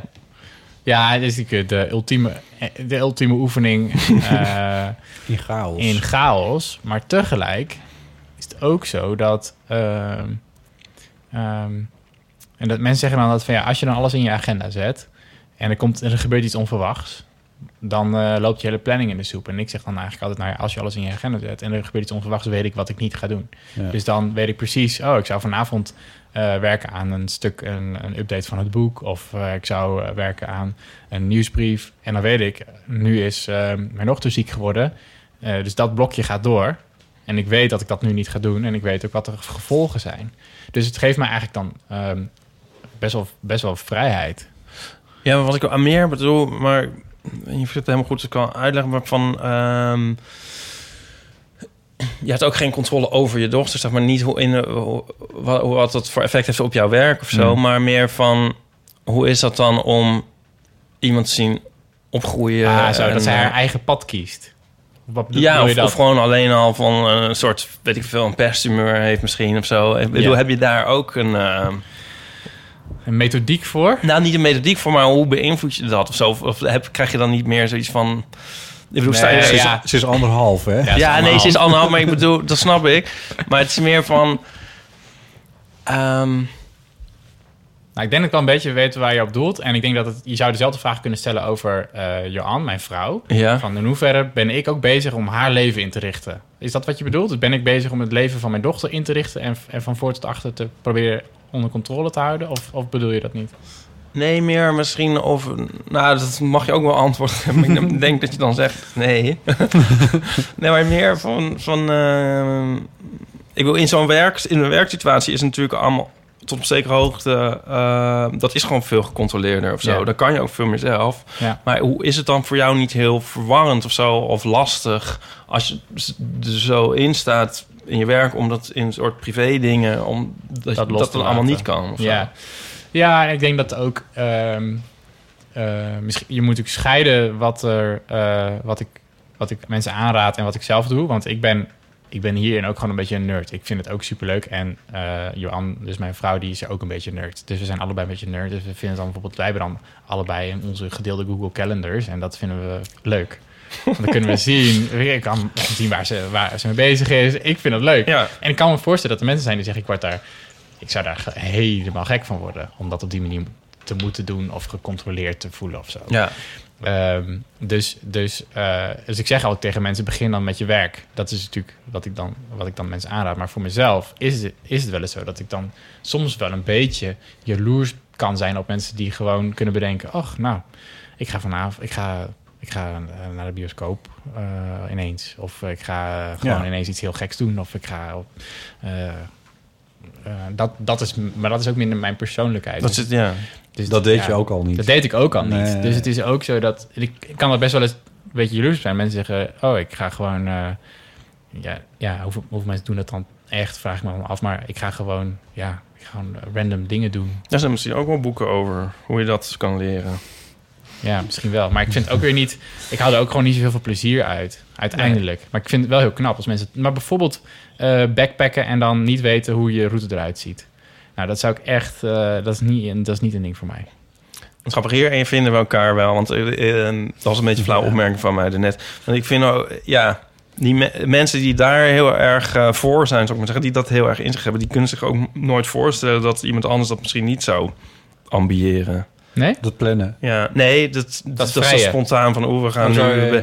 ja. Dat het zo- soort van de heilige graal is. Ja, Om, om Dan om moet je zo niet te zijn. aankomen. ja, zo van als je dat nog, nog niet... Dat je, Ja, als je dat, niet wil, dan wil je dat nog niet of zo. Maar Ja. ooit, ja, terwijl... Ja, Heb je dat niet dan? denken. Denk je dat niet? Dat je dat ooit wel eens zou, zou, zou willen ervaren? Ik weet echt zeker van niet. Nee? Nee. Maar je, bent, maar je denkt niet van... ik zou mezelf een keer in die, in die, in die setting moeten begeven. Ik denk dat dus wel. Ja? Ik zou wel... Ja, ik denk dan wel ergens van... Het is wel een leuk experiment natuurlijk. Maar jij bent nog jong. Ja, ik ben 31. Is super. Nee, maar... ehm, Ben je aan het doen? dit was een grapje. Nee, maar... Denk je niet van... ik wil ooit een keer zo'n experiment doen? Dat is toch wel, wel, wel vet. Je zou ook een keer één week gewoon het boek toe kunnen passen als experiment. Nou, ik denk dat jij bent misschien wat overgereguleerd als ik het hoor, zeg maar. En, en ik- je hebt mensen die dan weer zo vrij zijn. Hebben we het hier laatst niet nog over gehad, ook in de podcast? Dat, ook, dat ik altijd denk, als mensen eenmaal verhuizen naar het buitenland... dan denk ik van, nou ja, die zien Oh we ja. nooit meer terug. Ja, zo geef ik het op, dan weet ik het allemaal niet meer. Dat is een soort... Ja, ik zit er dan ergens tussenin, denk ik. En ehm, ik ben wel tevreden. Tenminste, ik denk dat het klinkt heel erg. Maar tevreden ben met mijn level van spontaniteit of zo. Ja, ja. Ik denk wel van Botten bijvoorbeeld, die mag nou onderhand wel eens een keertje op vakantie. Dat is nou de laatste keer is nou 15 jaar geleden. Dit is hoeft een niet- punt. ja, je hoeft niet meteen in het diep, eh, zeg maar, op een, naar een... Ik weet niet. Je Ja, mag wel gewoon, het mag gewoon een, ge- een heel ge- gereguleerde vakantie naar een, een heel beschaafd land. Maar dat zo, dat kan wel iets meer. Ja, Denk je niet? ik woon in Ah, een- wordt ongemakkelijk. Ik, ik woon in de mooiste stad op aarde, dus eh, ik weet niet waar je het over hebt. Ga jij graag op vakantie? Nou, ik... ik, Ik, maar ja. vakantie is toch niet, ook per, niet per se het spontane in... Ik, Nee. ik snap wel dat het wat anders is, maar om nou te zeggen... Ik bedoel, er zijn mensen die in januari al plannen wat ze in de zomer gaan doen. Ja. Ja, dat vind ik Ja, ook wel nee, ja, redelijk ja. maar ik zie allemaal. vakantie als een soort, soort ook een soort eh, moment waarin er onverwachte dingen of zo gebeuren, omdat je in een andere omgeving bent met andere mensen of zo. Ja. Zoiets. Ben je niet... Want, ehm, ik, ben, ik denk dat een van mijn grootste angsten is om eh, vast te roesten in een patroon. Dat ik, en, en ook dat, dat, er, dat je oude mensen ziet en dat je ziet van... oh, die hebben een mening en die mening die is al... Die, die mening die hadden ze echt al veel eerder los moeten laten. Ze hadden gewoon hun denken moeten aanpassen. En het is voor ons natuurlijk wel makkelijk om te denken van oude mensen... van ja, hadden die nou maar... weet je, die moeten, hadden een beetje met de tijd mee moeten gaan... en dan komen ze tot een nieuw inzicht. Eh, maar ik ben ook wel een beetje bang dat, we, dat wij uiteindelijk ook zo worden... als we niet nu eh, ook telkens een beetje blijven trainen in... dat je een andere zienswijze moet, eens een keer moet... dat je er een beetje aan moet, moet ruiken of zo. Weet je, dat je, dat je dus... eh, Ja. Snap je wat ik bedoel? Ja. Dus daar en, dus, en, en ik, volgens mij is dat ook iets wat je dan eh, wel bewust moet eh, dan eh, wat je dat je bewust moet doen. Ik ben toen een paar jaar terug zijn we eh, hadden we zo'n salsa les reeks gedaan. Dat is echt niks voor mij. Ehm, want dan moet je ook met allemaal verschillende mensen dansen en zo. Ja. Dat vond ik echt, echt heel eng. Maar ik vond het ook alweer heel tof, want dan, dan, dan, dan ehm, ja, die, dat, de, eh, dat je dus iets doet waar je van tevoren denkt, oh, ik vind het echt best wel eng. En dan doe je het en dan blijkt het eigenlijk best wel leuk te zijn. En ook best wel, eh, het is gewoon best wel oké eigenlijk. En dan heb je weer een soort even iets gedaan wat helemaal buiten je comfortzone is. Ja. Ja, als het ook maar mag mislukken. Ik, ik ben wel eens ooit eh, gedwongen eh, om te gaan skiën. Oh ja. En iedereen had kunnen bedenken dat het een ramp zou zijn. Ik wilde het niet. Het was vreselijk. Het was ook net zo erg als, het, als ik al dacht. Dus dan... Dat was een Soms- bevestiging van dat je soms het eigenlijk weet bij je het goede eind... Ja. En ehm, de laatste keer was denk ik dat ik naar die yogales ging met eh, Joe. Oh ja. Toen zei hij... Hot yoga, toch? Hot yoga. Ja, notabene. Nou, Een soort, soort combinatie tussen sauna en... eh, Ja. ik ben ook wel iets... Nou ja... Ik weet niet wat ik er toen over zei. Was dat buiten je comfortzone? Ja, een beetje. Ja. Ja. Een beetje. Maar mijn comfortzone is ook wat opgerekt. Vroeger was ik denk ik heel eh, st- st- st- ja, rigide of zo. Vind, Dus- je, vind je dat je vaak buiten je comfortzone gaat? Nou, vaak. Ik zie dus niet dat daar... eh, eh, mijn hele punt is dat ik niet dat per se zo noodzakelijk vind. Ik denk dat het dus wel noodzakelijk is. Ja. Maar word jij niet ook... eh, Zo, Ipe, nu, nu we het over jou hebben. Word je niet door je werk ook... eh, Met dit hele boek waar ik aan Nou, werk... dat boek in ieder geval. een vreselijke excursie Je hebt op de hoogste buiten mijn de hoogste duikplank van, de, van het zwembad in... eh, wat was ik weer? Gestaan. Je hebt gestaan. Nee, ja, fair enough. Je bent er niet afgesprongen, maar het is 10 meter, dat is ook niet niks. Ja. Nee, maar ik bedoel, We hebben het hier, hebben we het hier nou wel eens over gehad? Over comfortzone zone, zone gaat het en over nooit het- over in deel van amateur. Nee, maar ik bedoel over... Ja, is dat nou zo wenselijk? Om dat te hebben. Het is ook een hangt groot er goed om... vanaf. ehm eh, gnotische jouton. Dat klinkt een beetje erg Thierry Baudet als je dat zegt. Ja. Ehm, het is ook een soort wel iets waard als je jezelf kent of zo. Ja. Ik bedoel, je moet niet vanaf je vierde al niet meer uit je comfortzone komen. Maar hoe oud ben jij? Vijf. 45 wou ik zeggen. Hoe oud ben ik ook weer? Drie. Ik ga het niet zeggen. Ik Dat is een normale vraag. Wacht, echt absoluut niet. Dat moet je even knippen. Was dat enorm? Enorm. Ja, nee, dat is het Het is ding. geheim. Is een ding? Oh, sorry. Mag niet Dus. vragen. We zeggen, ja, ik krijg geen antwoord. Maar het punt is, eh, nee, maar, het punt, eh, maar, maar maar het punt is dan van, jij zegt dan eigenlijk van, nou, dat, dat, ik heb dat al genoeg gedaan. Genoeg buiten mijn comfortzone. Ja, dat klinkt, dat klinkt verkeerd, hè? Het ligt eraan een beetje... maar- Ja, het klinkt wel een beetje verkeerd, maar... In het kader van wat jij schetst, van, nou maar als je dan zo'n geregeld leven hebt en Ja. je houdt van houvast, Ja, eh, grip zo je wil, eh, en, en jij hebt een angst dat als jij eh, straks een keer 60, 70 bent, dat je dan zo vastgeroest zit als die mensen waar je nu een hekel aan hebt, eh, dan is dit een gevaar, ja. ja. Ja, maar je zou het ook anders, je zou er nog positiever kunnen zien. Dus de, in, eh, vanuit Maar, de, maar wacht even, want jij bent uit Blendel gestapt. Je bent gaan freelancen. ja, Dat, dat lijkt me ook wel een stap buiten een comfortzone. dat is hartstikke eng. Ja, Dus, het, dus het er is, eh, want je zat bij een succesvol bedrijf... Internationaal eh, bezig was onderhand... eh, waar enorm veel aan de hand was... wat geleid wordt door een interessant type... Wat, wat zich in de media begeeft. ja. Ja, nee, maar... Alle liefde, alle liefde voor Alexander. Ja, nee, maar de, ja, helemaal eens. En ik denk ook dat... dat eh, eh, maar ik heb wel ook gezien dan bij mezelf... dat elke keer als ik, al, elke keer als ik op het punt kom... dat ik denk, oh, dit is echt best wel eng... en moet ik dit eigenlijk wel doen? Dat is eigenlijk wel altijd heel interessant. Er komt altijd Om wel dan iets, ja, doen. om er dan wel iets... of in ieder geval iets mee te doen. Om het te Mhm. verkennen en eh, om te kijken van wat gebeurt er dan. En als je dus... ehm, eh, ja, dus, dus ik, ik, ik, ben helemaal, ik ben juist niet... in ieder geval, dat, poog ik niet... zeg maar dat, je, dat alles heel veilig en eh, in- ingekaderd zo, zo moet zijn. Maar wat ik, wat ik hoop over te brengen is dat op het moment dat je de normale dingen, dingen die allemaal moeten gebeuren, als je daar helemaal op kan vertrouwen dat het goed gaat, dan ontstaat er dan de ruimte om na te denken over wat wil ik nou, wat zou ik nou daarna willen en wat zijn dan de, hoe kan ik, eh, nou letterlijk dus grote dromen en wat zijn, wat zijn dan de dingen waar je van denkt, ja, holy shit, dat zou ik echt nog een keer willen doen. Daar heb je ook een hele dag voor ingericht. Ik weet niet of dat Ja. nu al was. Dat was ergens deze dagen. Maar Dat is eh, 27 december. dat, oh, oké. over een Dat oh. Wat een interessante datum. Dat is dus over een maand. Ja. Ja. Eh, interessant omdat het echt midden tussen kerst en eh oud en nieuw. Ja, vond ik ook Eh, verbazingwekkend. Maar ik had dus Ja. een datumprikker uitgestuurd. En er waren honderd mensen die hadden gezegd... ik kan wel op die dag. Dus dacht ik, nou, laat ik maar organiseren. Ik kan tweede kerstdag. Derde kerstdag is dit. Nou ja, oké. Ja, Ja, en, ja. De, en ik had dus honderd kaarten... die zijn allemaal al uitverkocht. Maar wat Dus- gebeurt daar? Want dat is een jaarplannersdag. Ja, dus nou, eh, een van de hoofdstukken in het boek is eh, een jaarplan maken. En eigenlijk op die dag gaan we niet veel anders doen dan dat. Dus het is gewoon, iedereen gaat zitten. En eh, de ochtend is een beetje ingericht als moment om terug te blikken. Dus iedereen gaat voor zichzelf gewoon aan een bureautje zitten met zijn eigen computer of zijn schrijfblokje of wat dan ook. En dan Oh, echt? Dus het is niet eens dat er een podium is met microfoons en weet ik Nee. veel wat allemaal. Nee, ik, ik doe wel even een praatje aan het begin of zo, maar dat Ja. is het dan. En iedereen gaat in principe gewoon zelf aan de slag. Maar het punt is, eh, heel veel mensen zeggen... ik wil wel een keer echt even die tijd nemen... maar de Ja. tijd die neem je niet. Want dan Nee. denk je, er komt iets tussendoor... moet je nog stofzuigen of je konijn eh hok verschonen. Of ik weet ik veel. En dan, Ja. Dus ik dacht, nou, als we dat dan op een dag doen... en mensen komen dan, dan, dan, dan naartoe... Dan is dat je dan taak. is dat je taak. Ga je dat doen, is je werk dan die dag. Dus, eh, dus dat gaan we dan doen. Ja. Daar heb ik heel veel zin in. Dus gaan we dan terugblikken. En, en de terugblik is dus eigenlijk het allerleukst. eh, vind ik zelf. Want dan, ehm, ja, dan ga je opsommen wat je in het afgelopen jaar allemaal hebt gedaan. Dat blijkt altijd veel meer te zijn dan je dacht.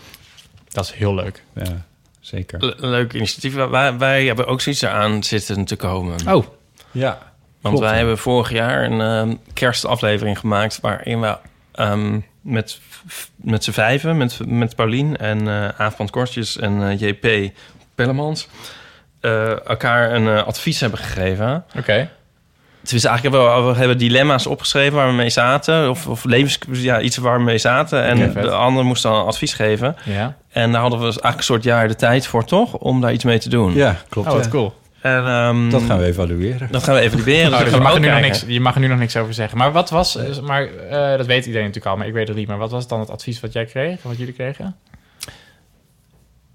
Begin maar. ik, ik moest volgens mij mijn boek maken gewoon, hè? Volgens mij kwam het daarop neer, ja. Oh, dan spoileren we echt die hele aflevering. Ja. Nee, want jullie gaat dan, dan ga je pas vertellen of het wel of niet gelukt is. Ja, Ah, precies. ja. Ja, ja. en, eh, en er was een advies aan, eh aan Aaf om een eh, theatervoorstelling te maken. Dat was nog eens een goed advies. Eh, er was een advies van Pauline om, eh, om toch Japans te leren. Oh ja, oké. Er was een advies aan mij om eh, bij een eh, homo-boekenclub te gaan. Heel specifiek. Oh Ja. ja. en om de liefde te omarmen, dacht ik. Ja, dat ook nog. ja. Ehm, Nou, voor de uitkomst moeten we dan dus luisteren ja, naar, dan die, moeten we naar die aflevering. Ja, precies. Dus dat wordt onze de- december terug. Nou, maar tof. Maar dat is wel een cool, dat is wel een cool idee. Ga je, weer, Ja. ga je het weer doen? Of Nou. is het ook een spoiler? Nee, maar Nou. zou, je, zou je dit elk jaar willen doen? Op deze, in deze Ik, vorm? ik, het, lijkt, het is denk ik iets dat je misschien niet elk jaar moet doen... maar wel vaker kan doen. De evaluatie wel. En we Ja. hopen heel erg dat mensen het nu ook dit jaar zelf gaan doen. Oh, cool. Met elkaar. Hebben we dat eigenlijk gezegd? Dat we dat, maar dat, Nee, dat hopen en denken we. Ik sluit me er volledig bij aan. Ja. Want, ehm, ja, want volgens mij is het, is het... Het heeft ons wel best wel wat gebracht eigenlijk. ja. Maar misschien een jaar meteen daarna is het weer wat snel. Nou ja, in, met het Leuk. idee van een jaarplanning. Ja. Ja. Ik niet, het lijkt me eigenlijk wel een gezellige dag als ik het zo hoor. Dat denk ik ook. Ik denk dat het hartstikke leuk is. Ja. Ja, eh, ja dat denk ik ook. En ik... En ik eh, Ja, heb je heel Pakhuis de Zwijger of zo afgehuurd? Nee, of nee ik, ik kreeg net vandaag een bevestiging dat we een, eh, een van de vloeren in het pand waar Blendel ook zit in Utrecht eh, kunnen gebruiken. Oh. Dus niet het, eh, het kantoor van Utrecht, maar daarboven. Oh, en daar zijn allemaal werkplekken en eh, daar kan, kan ik gewoon gebruik van. Is dat leuk? Kun je hem daar nog voor aanmelden? Of ja, het is vol? dus vol. Oh.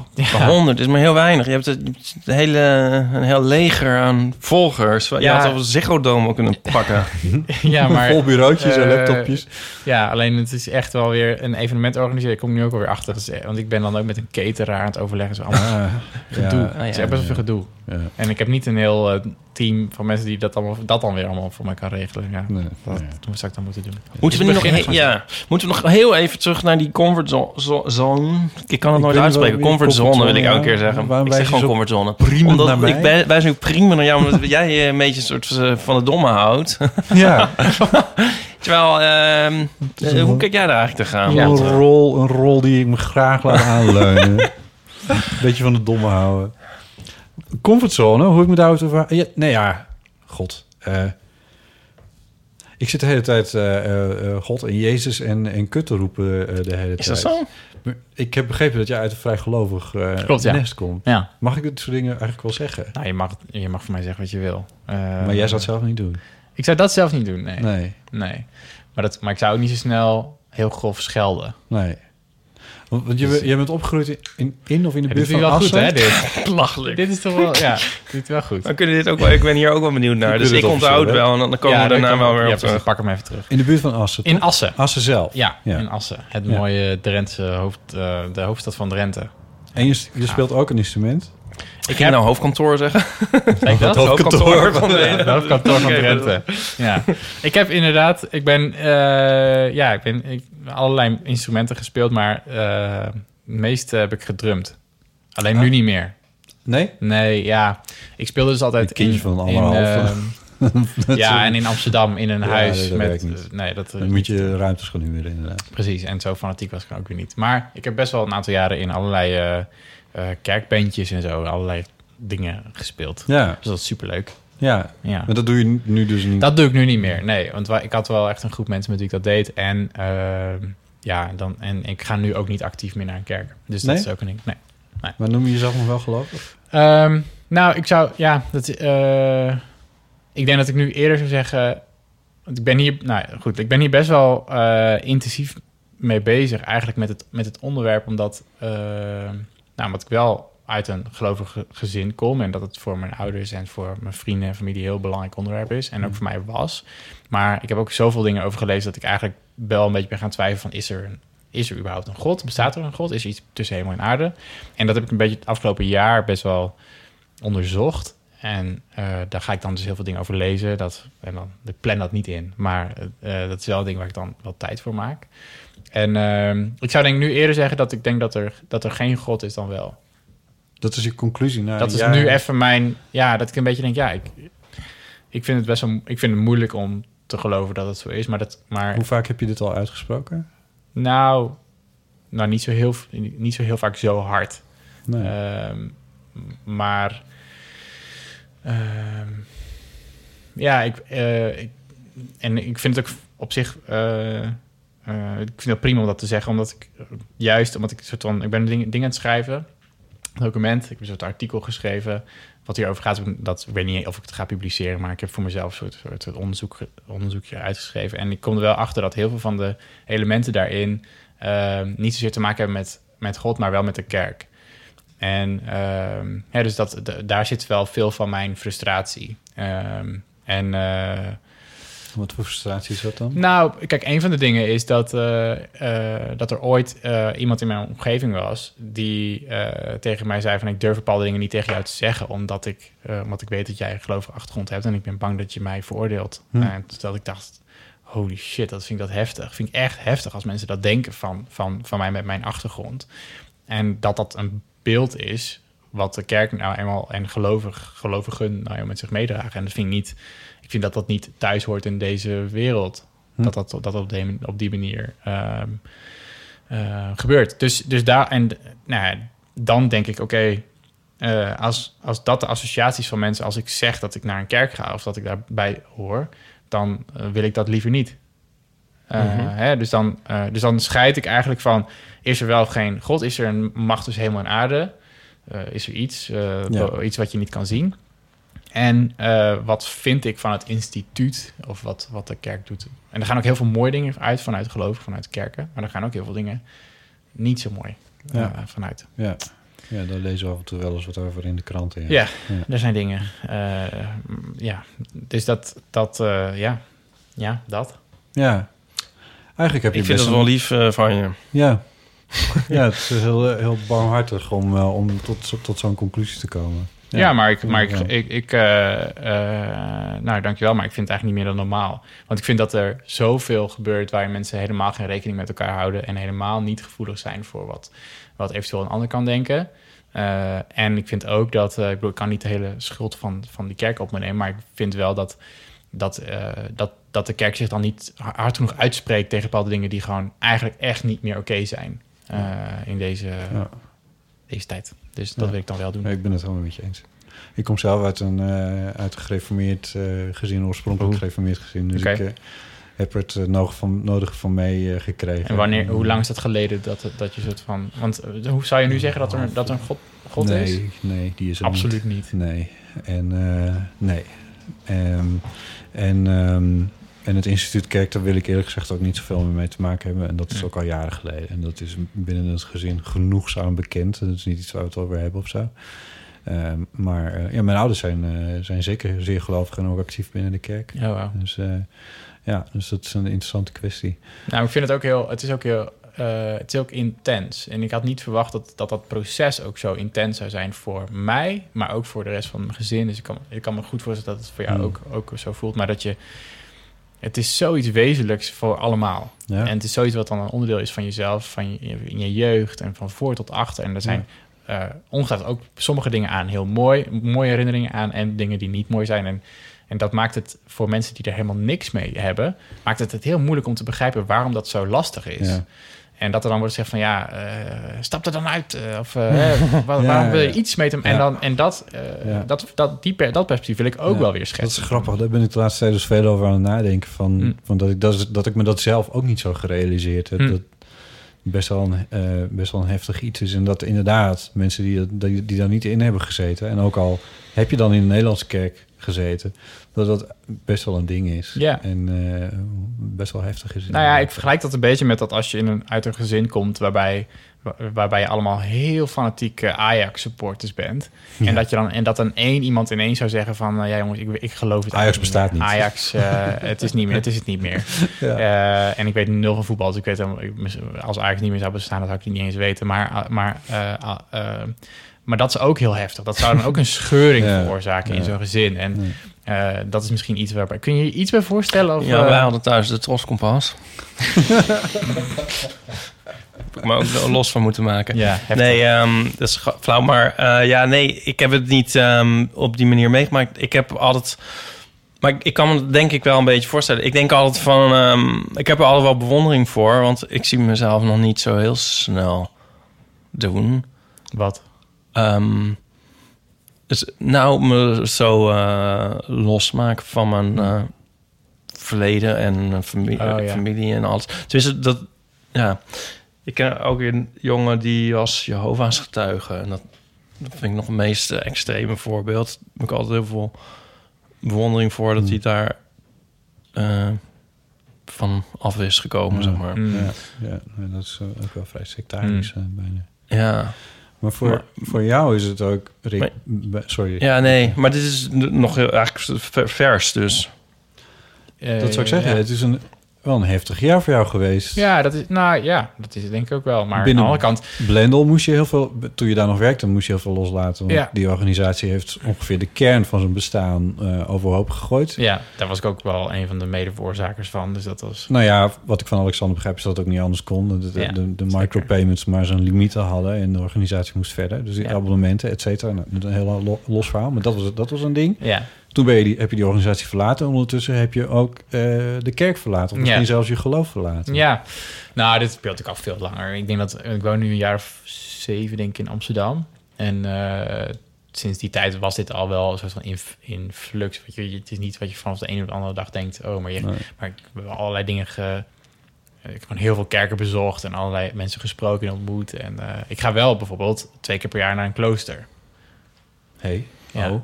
Eh, een stilteklooster. Dus En dat is, ja, en dat is een, een katholiek klooster. Dus dat is, Ja, ja, dat dat is is ook weer vrij intens. Andere denominatie. Ja, maar ik, vind dat, maar ik vind dat heel bijzonder. Want eh, het zijn, ja, er zijn dus mensen die, die hun hele, hele leven wijden aan zo'n plek. En aan, eh, aan hun god en aan hun geloof. En dan met rituelen en dingen. En ik ga daar op zich best goed op. Eh, Mhm. op, Op op, op, op, dat, op die structuur. Oh, want het ja. is een soort... S ochtends vroeg opstaan. Ja, alles is gewoon voorspelbaar. Ja. En ja, dat vind ik wel fijn. Eh, maar ik word er dus... Ik, heb, ik word er en altijd heel... Ik word er... Ja, ga als er nou een groep is die grip heeft gelezen, Juist. zo gezegd. Dan zouden dat de monniken, zijn. wel, ja. Ja, ik vind het, maar ik vind het wel. ehm, ehm, wat, ik, wat ik bijzonder vind in deze, in deze tijd, waarbij alles zo snel gaat en dat, de, dat de mensen gewoon nou ja, bij bosjes omvallen, omdat er zoveel dingen op hem De afkomen. burn-out. En, en precies Ja. burn-out en dat soort dingen. eh, vind ik het wel heel mooi dat er soort, dan een gemeenschap is van. In dit is van mannen, maar er zijn natuurlijk ook een gemeenschap met vrouwen die zo om elkaar heen staan en voor elkaar zorgen en eh, zich opofferen voor elkaar. Dat vind ik wel uniek en dat vind ik dan ook wel Ja. leerzaam. Dus dan, Is ik het ga er in dan Nederland? is in Nederland, ja. Dit is in Doetinchem. is eh, heel mooi, in een heel mooi bos en een heel mooi natuurgebied. En dan ga ik daar een paar dagen heen. Hm. En dan ga ik daar boeken lezen en een beetje eh, nadenken. vind ik heel, echt heel fijn. Ja, vind ik heel fijn. En dan... En dan Hoe lang zit je daar dan? Ehm, ik, een dag of vier. Ja. Oh, oké. Ja, dus niet, dus niet Nee, twee het is of over zo'n lang weekend. Precies, ja. En, en, eh, en dan denk ik vaak na over eh, hoe ik thuis ben... of wat ik wil met mijn leven of met mijn werk... of met mijn vrienden. Of, eh, maar ook gewoon fijn om even wat boeken te lezen. En met een dochter van anderhalf krijg je minder slaap, kan ik je vertellen. Dus dat is ook wel fijn dat je een paar dagen echt lekker kan slapen. Oh ja. Dus dat, is- dat is wel chill. Ze wekken je niet 's ochtends heel vroeg daar om... Dus dat, eh, jawel, dat doen ze oh. wel. Maar eh, je gaat ook echt om half negen al... eh, om half negen is de laatste soort van dagsluiting. En dan om kwart voor negen ben je klaar. En dan ga je... Iedereen gaat ook in principe gewoon dan pitten. Botte, dit klinkt als een droom. Dat is toch geweldig? ja, het, Is maar dat wat je wil? nou ja, ik vind het heel inspirerend. Want het is... eh, en dat heeft niet, niet eens zo heel veel met het geloof te maken eigenlijk. Maar het is wel... Ik vind het heel mooi dat er een plek... Want er gaan, heel, gaan tegenwoordig duizenden mensen naar zulke plekken... om weer een beetje op te laden of om, om even stil te staan. En ik vind eigenlijk wel dat we wat vaker stil mogen staan. Dus daarom vind ik het, vind ik het, een, mooi, eh, vind ik het een mooi ding. Ja. Zou ik het iedereen aanraden. Ja. Eh, Zo'n jaarplandag is in, bij, is in feite ook een soort... Heeft dat ook in zich. iets, toch? Ja, dat heeft dat ook in zich. Maar het is ook wel weer... Ik, ik merk dus dan ook weer hoe verslaafd ik ben aan mijn, aan mijn apparaat als ik dan daar ben. Dat ik echt denk, oh, ik ben wel echt... Ik wil dat dan een paar dagen niet op het internet of zo.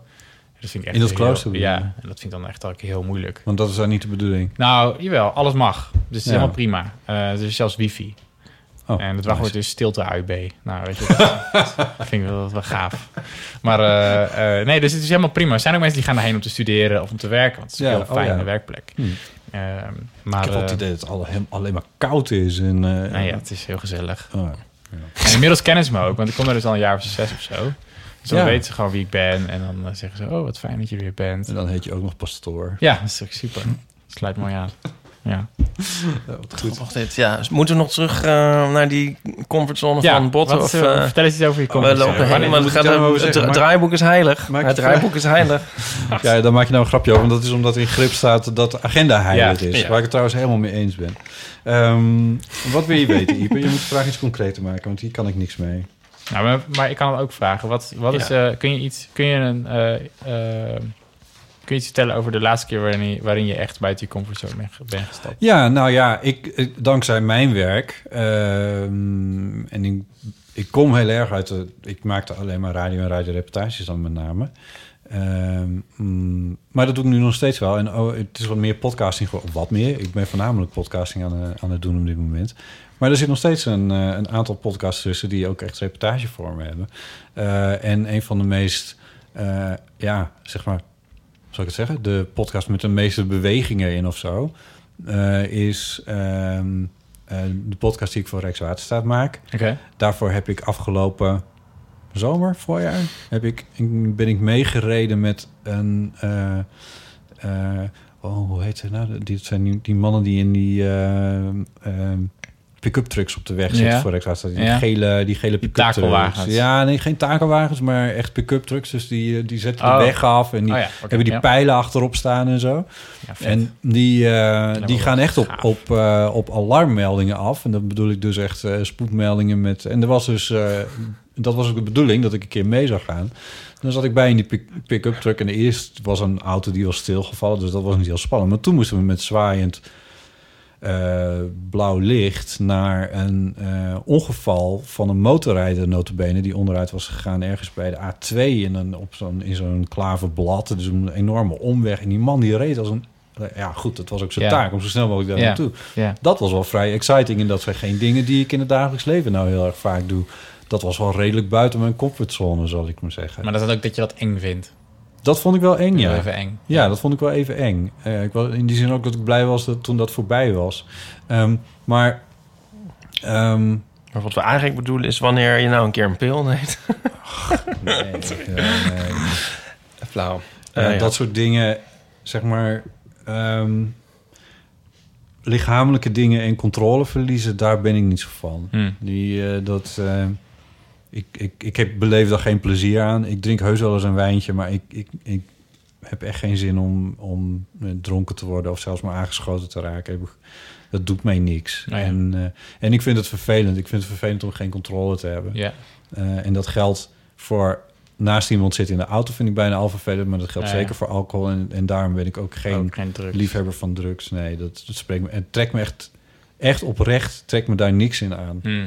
En ik begrijp heel goed dat het voor anderen onbegrijpelijk is, maar Sessa. Ik las toen dat, eh, dat boek eh, How to Change Your Mind van Michael Pollan. Die heeft een boek geschreven over de, de een beetje geschiedenis van, ehm, eh, van nou, niet alle drugs, maar Hm. eh, van psychedelics. En die, Oh, die ja. zegt dan eigenlijk Dat van... is een spannende geschiedenis inderdaad. ja, ja. en die zegt dan eigenlijk van... ehm, LSD in het leger, dat soort dingen. Precies, ja. En hij zegt er eigenlijk van, nou, stel dat er een, een luikje is in je, in je hoofd. En dat luikje, dat kun je, daar zit een hele wereld achter die je Hmm. niet kent. En dat luikje kun je open doen. Er is namelijk een, er is een, een, een middeltje wat je kan gebruiken. En dan kan dat luikje open. Zou je niet willen weten wat er achter dat luikje zit? Ja, En dat was voor mij wel een, zeg maar, ik heb het, ik heb het niet gedaan. En ik, en ik vind dus ook, ik heb dat zelf, dat ik gewoon denk van, ja, ik wil die controle niet verliezen. Je verwacht het bijna niet, maar, nee, maar, dit, maar, maar ergens denk ik wel van, ja, ehm, want hij schetst ook dat er in een hele, dat er, er zijn ehm, settings waarbij je eh, heel gecontroleerd zo'n ervaring zou kunnen doen. Ja, ja, dus in een, ja. in een ruimte met een, met een professional erbij. En dan ga je op zo'n bankje liggen met fijne muziek op de achtergrond en een fijne temperatuur. En iemand die het goed in de gaten houdt en ook weet Ja. wat hij moet doen om te stoppen. Toen dacht ik van, als dat legaal zou zijn, dan, dan eh, vind ik het wel, soort van, dat is wel je ultieme jezelf buiten je comfortzone. Soort van iets meemaken dat je echt denkt, ja, ik kan helemaal, ik heb helemaal geen controle meer over mijn hele ego val, valt weg. Want dat is dan eigenlijk het idee dat je hele ego, je hele ik vervalt. En Ja. omschrijft hij dan. Ja, toen dacht ja, ik ben wel heel benieuwd eigenlijk. Ik ben eigenlijk wel benieuwd. Er zijn wel legale dingen die dat teweeg brengen. Zoals? Truffels. wat? Truffels. Ja? Ja, ja, Ja? ja. ja. Ja. En ehm, ja, daar stand ik ook een beetje van te kijken. Dat die blijkbaar legaal zijn. Want het was eigenlijk de heftigste Is dat niet wat ik heb gehad. In plaats van legaal, ja. Ja. Paddo's. Nee, ja, paddo's zijn er volgens mij niet. Maar die truffels zijn een soort van die hazelnootjes. En Ja? die ehm, zijn vol- volgens... Was dat Vol- jouw muziekplaneet ervaring? Nee, dat was... Oh, ja, ja. moet ik het nou allemaal weer uit, uitmeten. Ja. Maar die eh, truffels lijken daar heel erg op. Maar die zijn dus bij mijn weten legaal. Nou ja, die kan je in ieder geval... Die hangen gewoon... Ja, die kun je gewoon zomaar kopen. Die, hoe heet het Die daar? Die, ene, boom. in die ene straat. Nou ja, wat grappig daarvan vind ik... dat het een soort natuurlijk middel is. Waar niet, e- want je hebt natuurlijk heel veel gesynthetiseerde dingen. Ja, alcohol is ook een natuurlijk middel. Ja. En dat pleit daar toch ook op, op een bepaalde manier voor. Maar in ieder geval... ehm, weet ik niet. is wel is eh, ook veel, de slangengif is ook een natuurlijk middel. Dat, pleit dat, dat, dat zou je toch ook niet tot je moeten nemen. Nee, ja. Ja, Nou, nee, nee, ja, nou, maar er is een... natuurlijk wel een beetje af eh, van We dwalen nu een beetje af. Nou, weet ik niet. Want er is... Ik denk dat als je... En nou ben ik helemaal de expert, maar... ehm, ik heb het idee dat de werking... Dat, dat, dus de, dat dat zich ook vertaalt naar de werking. En, ehm, Oh zo, oké. ja, en het Ja. lijkt me wel een, eh, lijkt me een aanrader voor jou. Rick. Truffels. Ja. Hm. Oké, Lijkt me nou, gaat een het even, gaat ik even denk ook kan niet anders dan als ik nu jou zo beluister de hele Ja. tijd. En Ga één keer niet naar Deventer, of wat was het, eh, Ja, Doetinchem. Ja, maar neem een truffel. Ja, het is echt... ehm, ja, nu ben ik weer, ben ik weer drugs aan het propageren. Maar Ja. het ligt er ook niet, niet voor iedereen en niet onder. Dus zo en zo. Ja. Maar ik, ik, ik, ik hoef trouwens helemaal niet reclame voor te maken. Want ik heb al lang gehoord, dit ga je een keer doen. Want kan niet anders, toch? Wat jij hem hoort. Maar heb je ook, want eh heel ander, Gecontroleerd en allemaal eh, onderzocht. En dan, maar ik, ik- dat zie ik wel gebeuren. Nou, Ja, to, sorry, be, ja? to be continued. En een Ja. ander ding wat, wat, wat er... ehm, eh, eh, wat ik dus zelf telkens merk... is dat er dan dingen zijn die ik eigenlijk een beetje eng vind in het publiek... om te doen. En, die, en dat levert me uiteindelijk best wel veel op. Dus Hmm. ik, heb, ik heb een tijdje eh, een vlog gemaakt. Omdat ik dacht, nou, dat is echt, zeg maar... Dat is eigenlijk bijna een van de engste dingen om te doen. Namelijk op straat lopen en dan in een camera... Ik zeg maar, één, ik vind het al helemaal niet leuk om op foto's te gaan. Ik vond het wel best wel moeilijk om on the spot een verhaal te vertellen. Ja. Eh, en dan ook nog, weet je wel... eh, zeg maar, mensen lachen andere vloggers altijd uit van... Oh, ben je voor idioot? En eh, dus dat is een beetje het ding. En toen dacht ik van, nou, dat, laat ik dat dan eens gaan proberen. En dat zijn wel... Ik vond het elke keer dus soms zo kloppend hard... ik dan van iets op te nemen... op, op, Ja. op, op eh, Amsterdam Centraal of zo, weet je wel. En, dat, en dan dacht ik wel elke keer... Na, daarna dacht ik elke keer van, ja, het is echt wel... Als dat dan lukt, dan is het heel erg vet. Het is een overwinning op jezelf. Dat is, zeg maar... Dus ik ben ook op zoek naar die beetje die categorie dingen... jezelf buiten je comfortzone. Wat is dan een... Want ik snap, bij, bij iemand in zo'n auto stappen is natuurlijk heftig. Maar het Oh. overkomt je dan meer. En het is, Ja. zeg maar, het is niet zo dat je dan heel Zelf- moedwillig Ja. eh, denkt van... ik ga in een... ik ga bungee jumpen of zo. Of ik ga... Ja, ja eh, dat, dat soort dingen. Dus ik heb niet zo'n bucketlist of zo. Nee. Dat, dat vind ik al een beetje onzin. Ik bedoel dat ik de Oh. Kilimanjaro waarschijnlijk nooit zal zien. Dat heb ik al lang geaccepteerd. Dat, zal, dat vind ik allemaal wel best. Hmm. Nee, maar eh, ik snap wel wat je bedoelt. Ehm, Jullie lijken Maar- er wel, maar ook weer helemaal niet op elkaar. zou je eh, Ja, maar- bijvoorbeeld voor een, voor een, groot, een grote groep een presentatie geven of zo? ja, maar dat doe ik regelmatig. En dat vind jij, dat is niet buiten je comfortzone? Nou, dat vind ik wel buiten mijn Oké. comfortzone. Ik heb dat. Ik, ik presenteer met, et- met enige regelmaat eh, dingen op podia, eh, vraaggesprekken of dat soort dingen. Ja, ik heb radioprogramma's gepresenteerd. Ja. Ja, ik weet niet. Weet je, ehm, Nee, maar dan is al dat, soort shit ja. vind ik eigenlijk best wel buiten mijn comfortzone Oké. treden. Alleen het, het klinkt allemaal zo normaal. De, deze Mm. podcast maken. Heel eerlijk gezegd, weer binnenkort trouwens, Ipe, leuk. Volgende week, volgens mij zelfs, vieren we ons eh, vierjarig bestaan. Oh, echt? Ja, is dat niet grappig? Ik heb het idee dat je nog maar net kent. Ja, en, eh, eh, maar ik, ja, het voelt nog steeds als buiten je comfortzone. Dat- Oh ja. Oh, Nee, maar dat is, Ja, dus, eh, ik, voor mij is dat Ja, wel... Een, ja. Ik vind het heel spannend wat er met Ja. de Eeuw van Amateur... Het is niet iets wat geregeld is of zo. Ik doe het allemaal zelf. Dus Ja. Wij gaan Ja. nog iets doen buiten onze comfortzone, maar daar kunnen we nog niks over zeggen. ik bedoel... Oh, leuk. Ja, vind ik, vind ik gaaf. hè? Oh, hè? Weet je niet? Eh, ik weet even niet waar je Ik ben bedoelt, het even aan het teasen. Nee, maar dat mag ook niet. Nee. Ehm, Nee.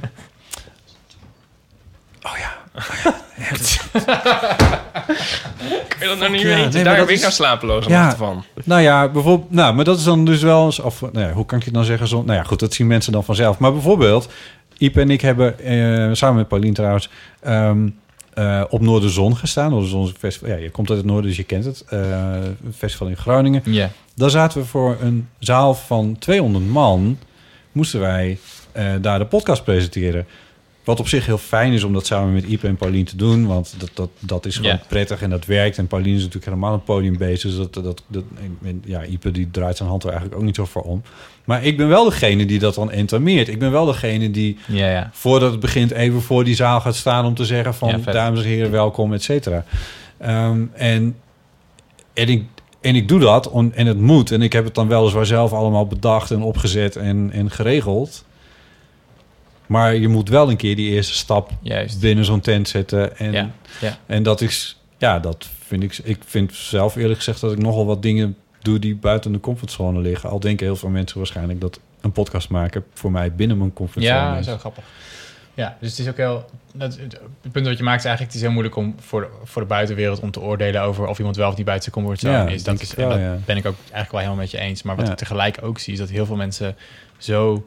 ehm, nou, ik wil niet zeggen gezapig, maar heel veel mensen... Het zijn Ja. ook juist dit soort dingen die, die geven ook kleur, zeg maar. En, dan, en dan, na een tijd denk je, oh, die fuck, dat heb ik gedaan. En dat was echt cool. En, eh, en het was heel eng van tevoren, maar het is toch gelukt. Ja. En ik, eh, als, er, als dat lukt, zeg maar, met eh, voor een paar mensen, door dat in dat boek te zetten, van zoek juist iets meer van die dingetjes op. Want je weet gewoon, dan jullie hebben dat ook ervaren. Ik heb dat ook ervaren. Ik weet ook dat is dat je achteraf denkt, dat was echt te gek. Eh, ik heb één keer, zo, één keer een keynote gegeven voor 1500 mensen in, in, in eh, Noorwegen was dat volgens mij. En dat was echt, Oh.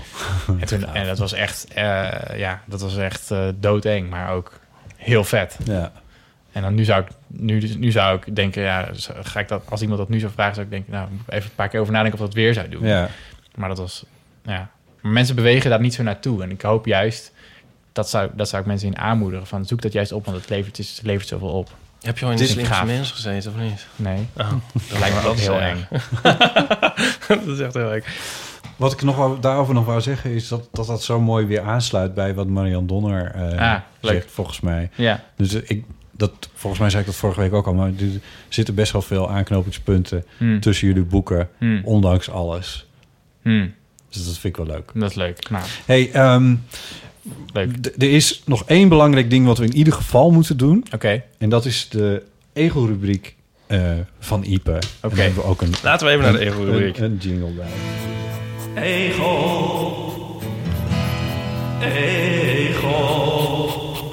Eh, Ipe, jij bent eh, de eh egelambassadeur der Nederlanden.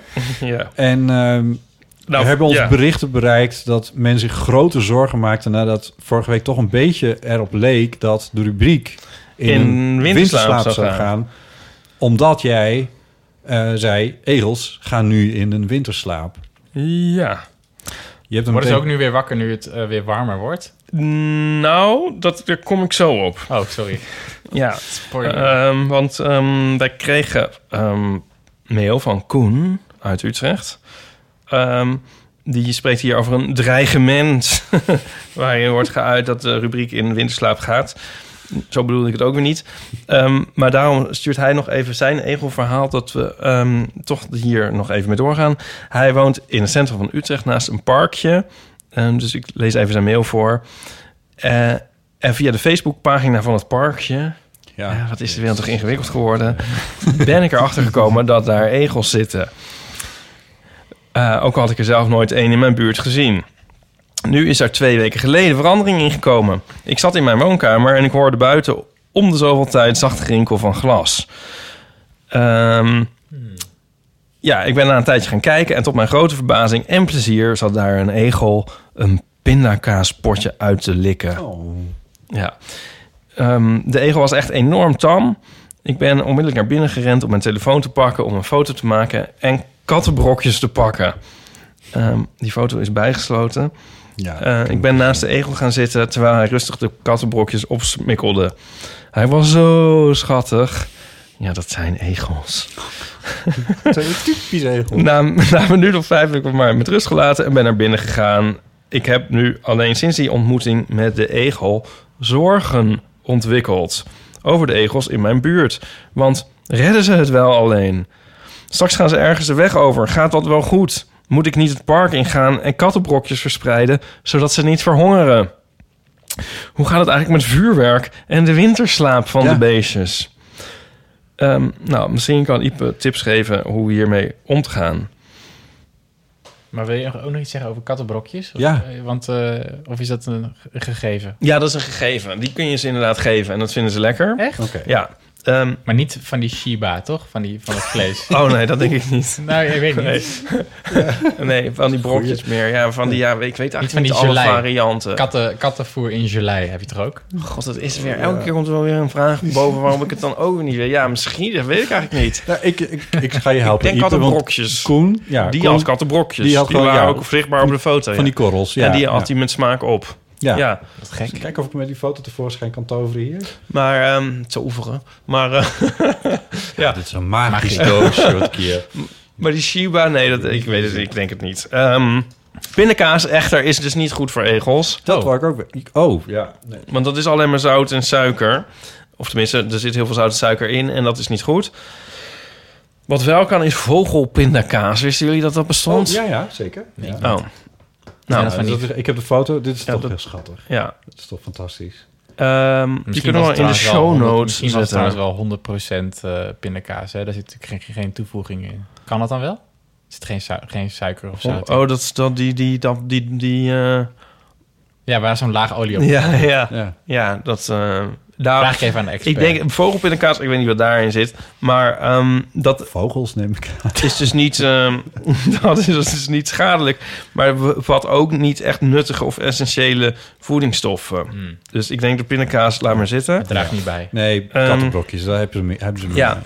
Nou, even kijken, want er zijn heel veel vragen. Ehm, ja. Redden ze het wel alleen? Gaat dat allemaal wel goed als ze de weg oversteken? Nou, ehm, Nee. ik heb dat gecheckt. ja, daar kunnen we natuurlijk niet zoveel van zeggen. Maar in ieder geval moet ik niet het park ingaan en kattenbrokjes verspreiden... zodat ze niet verhongeren. Dat moet je niet doen. Want ja, dan ben je eigenlijk de ratten aan het voeren.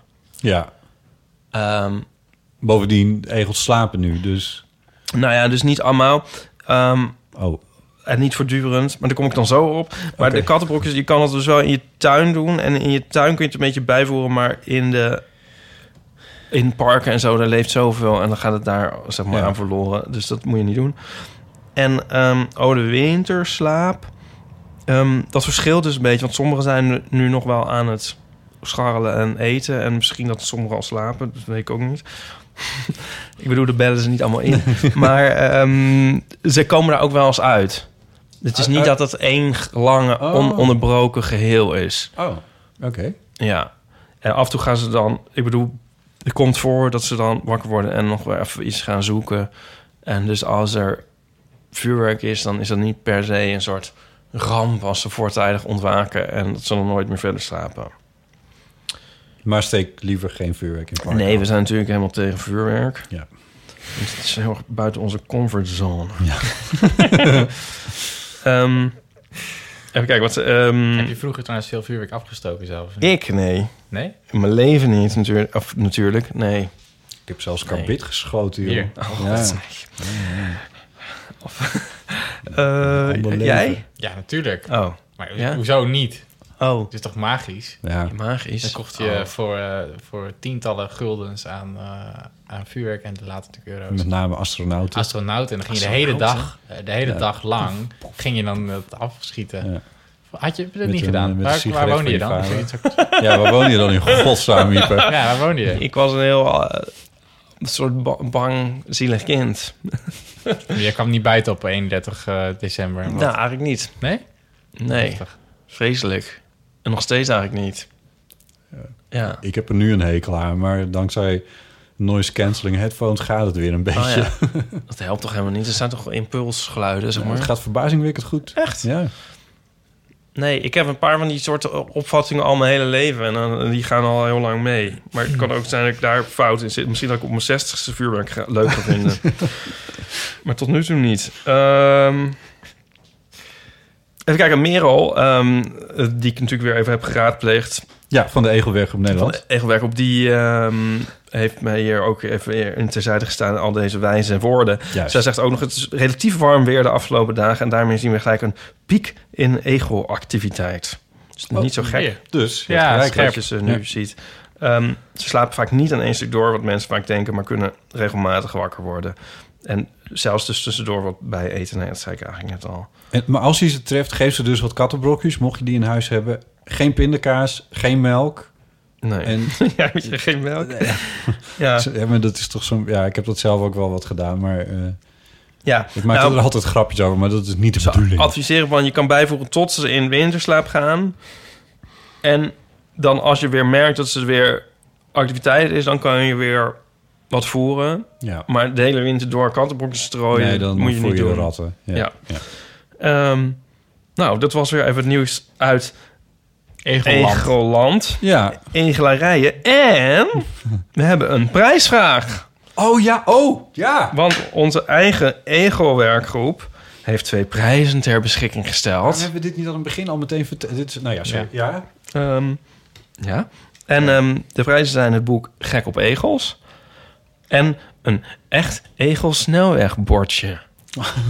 En ehm, het enige wat je hoeft te doen is een, eh, het juiste antwoord te mailen. Oh god, ik moet het mailadres weten. Oh nee. Dat ga ik zo opzoeken terwijl jij thee zet. Ehm, ik moet ook nog een vraag verzinnen. Oh nee, ze had een suggestie voor een vraag. De vraag is...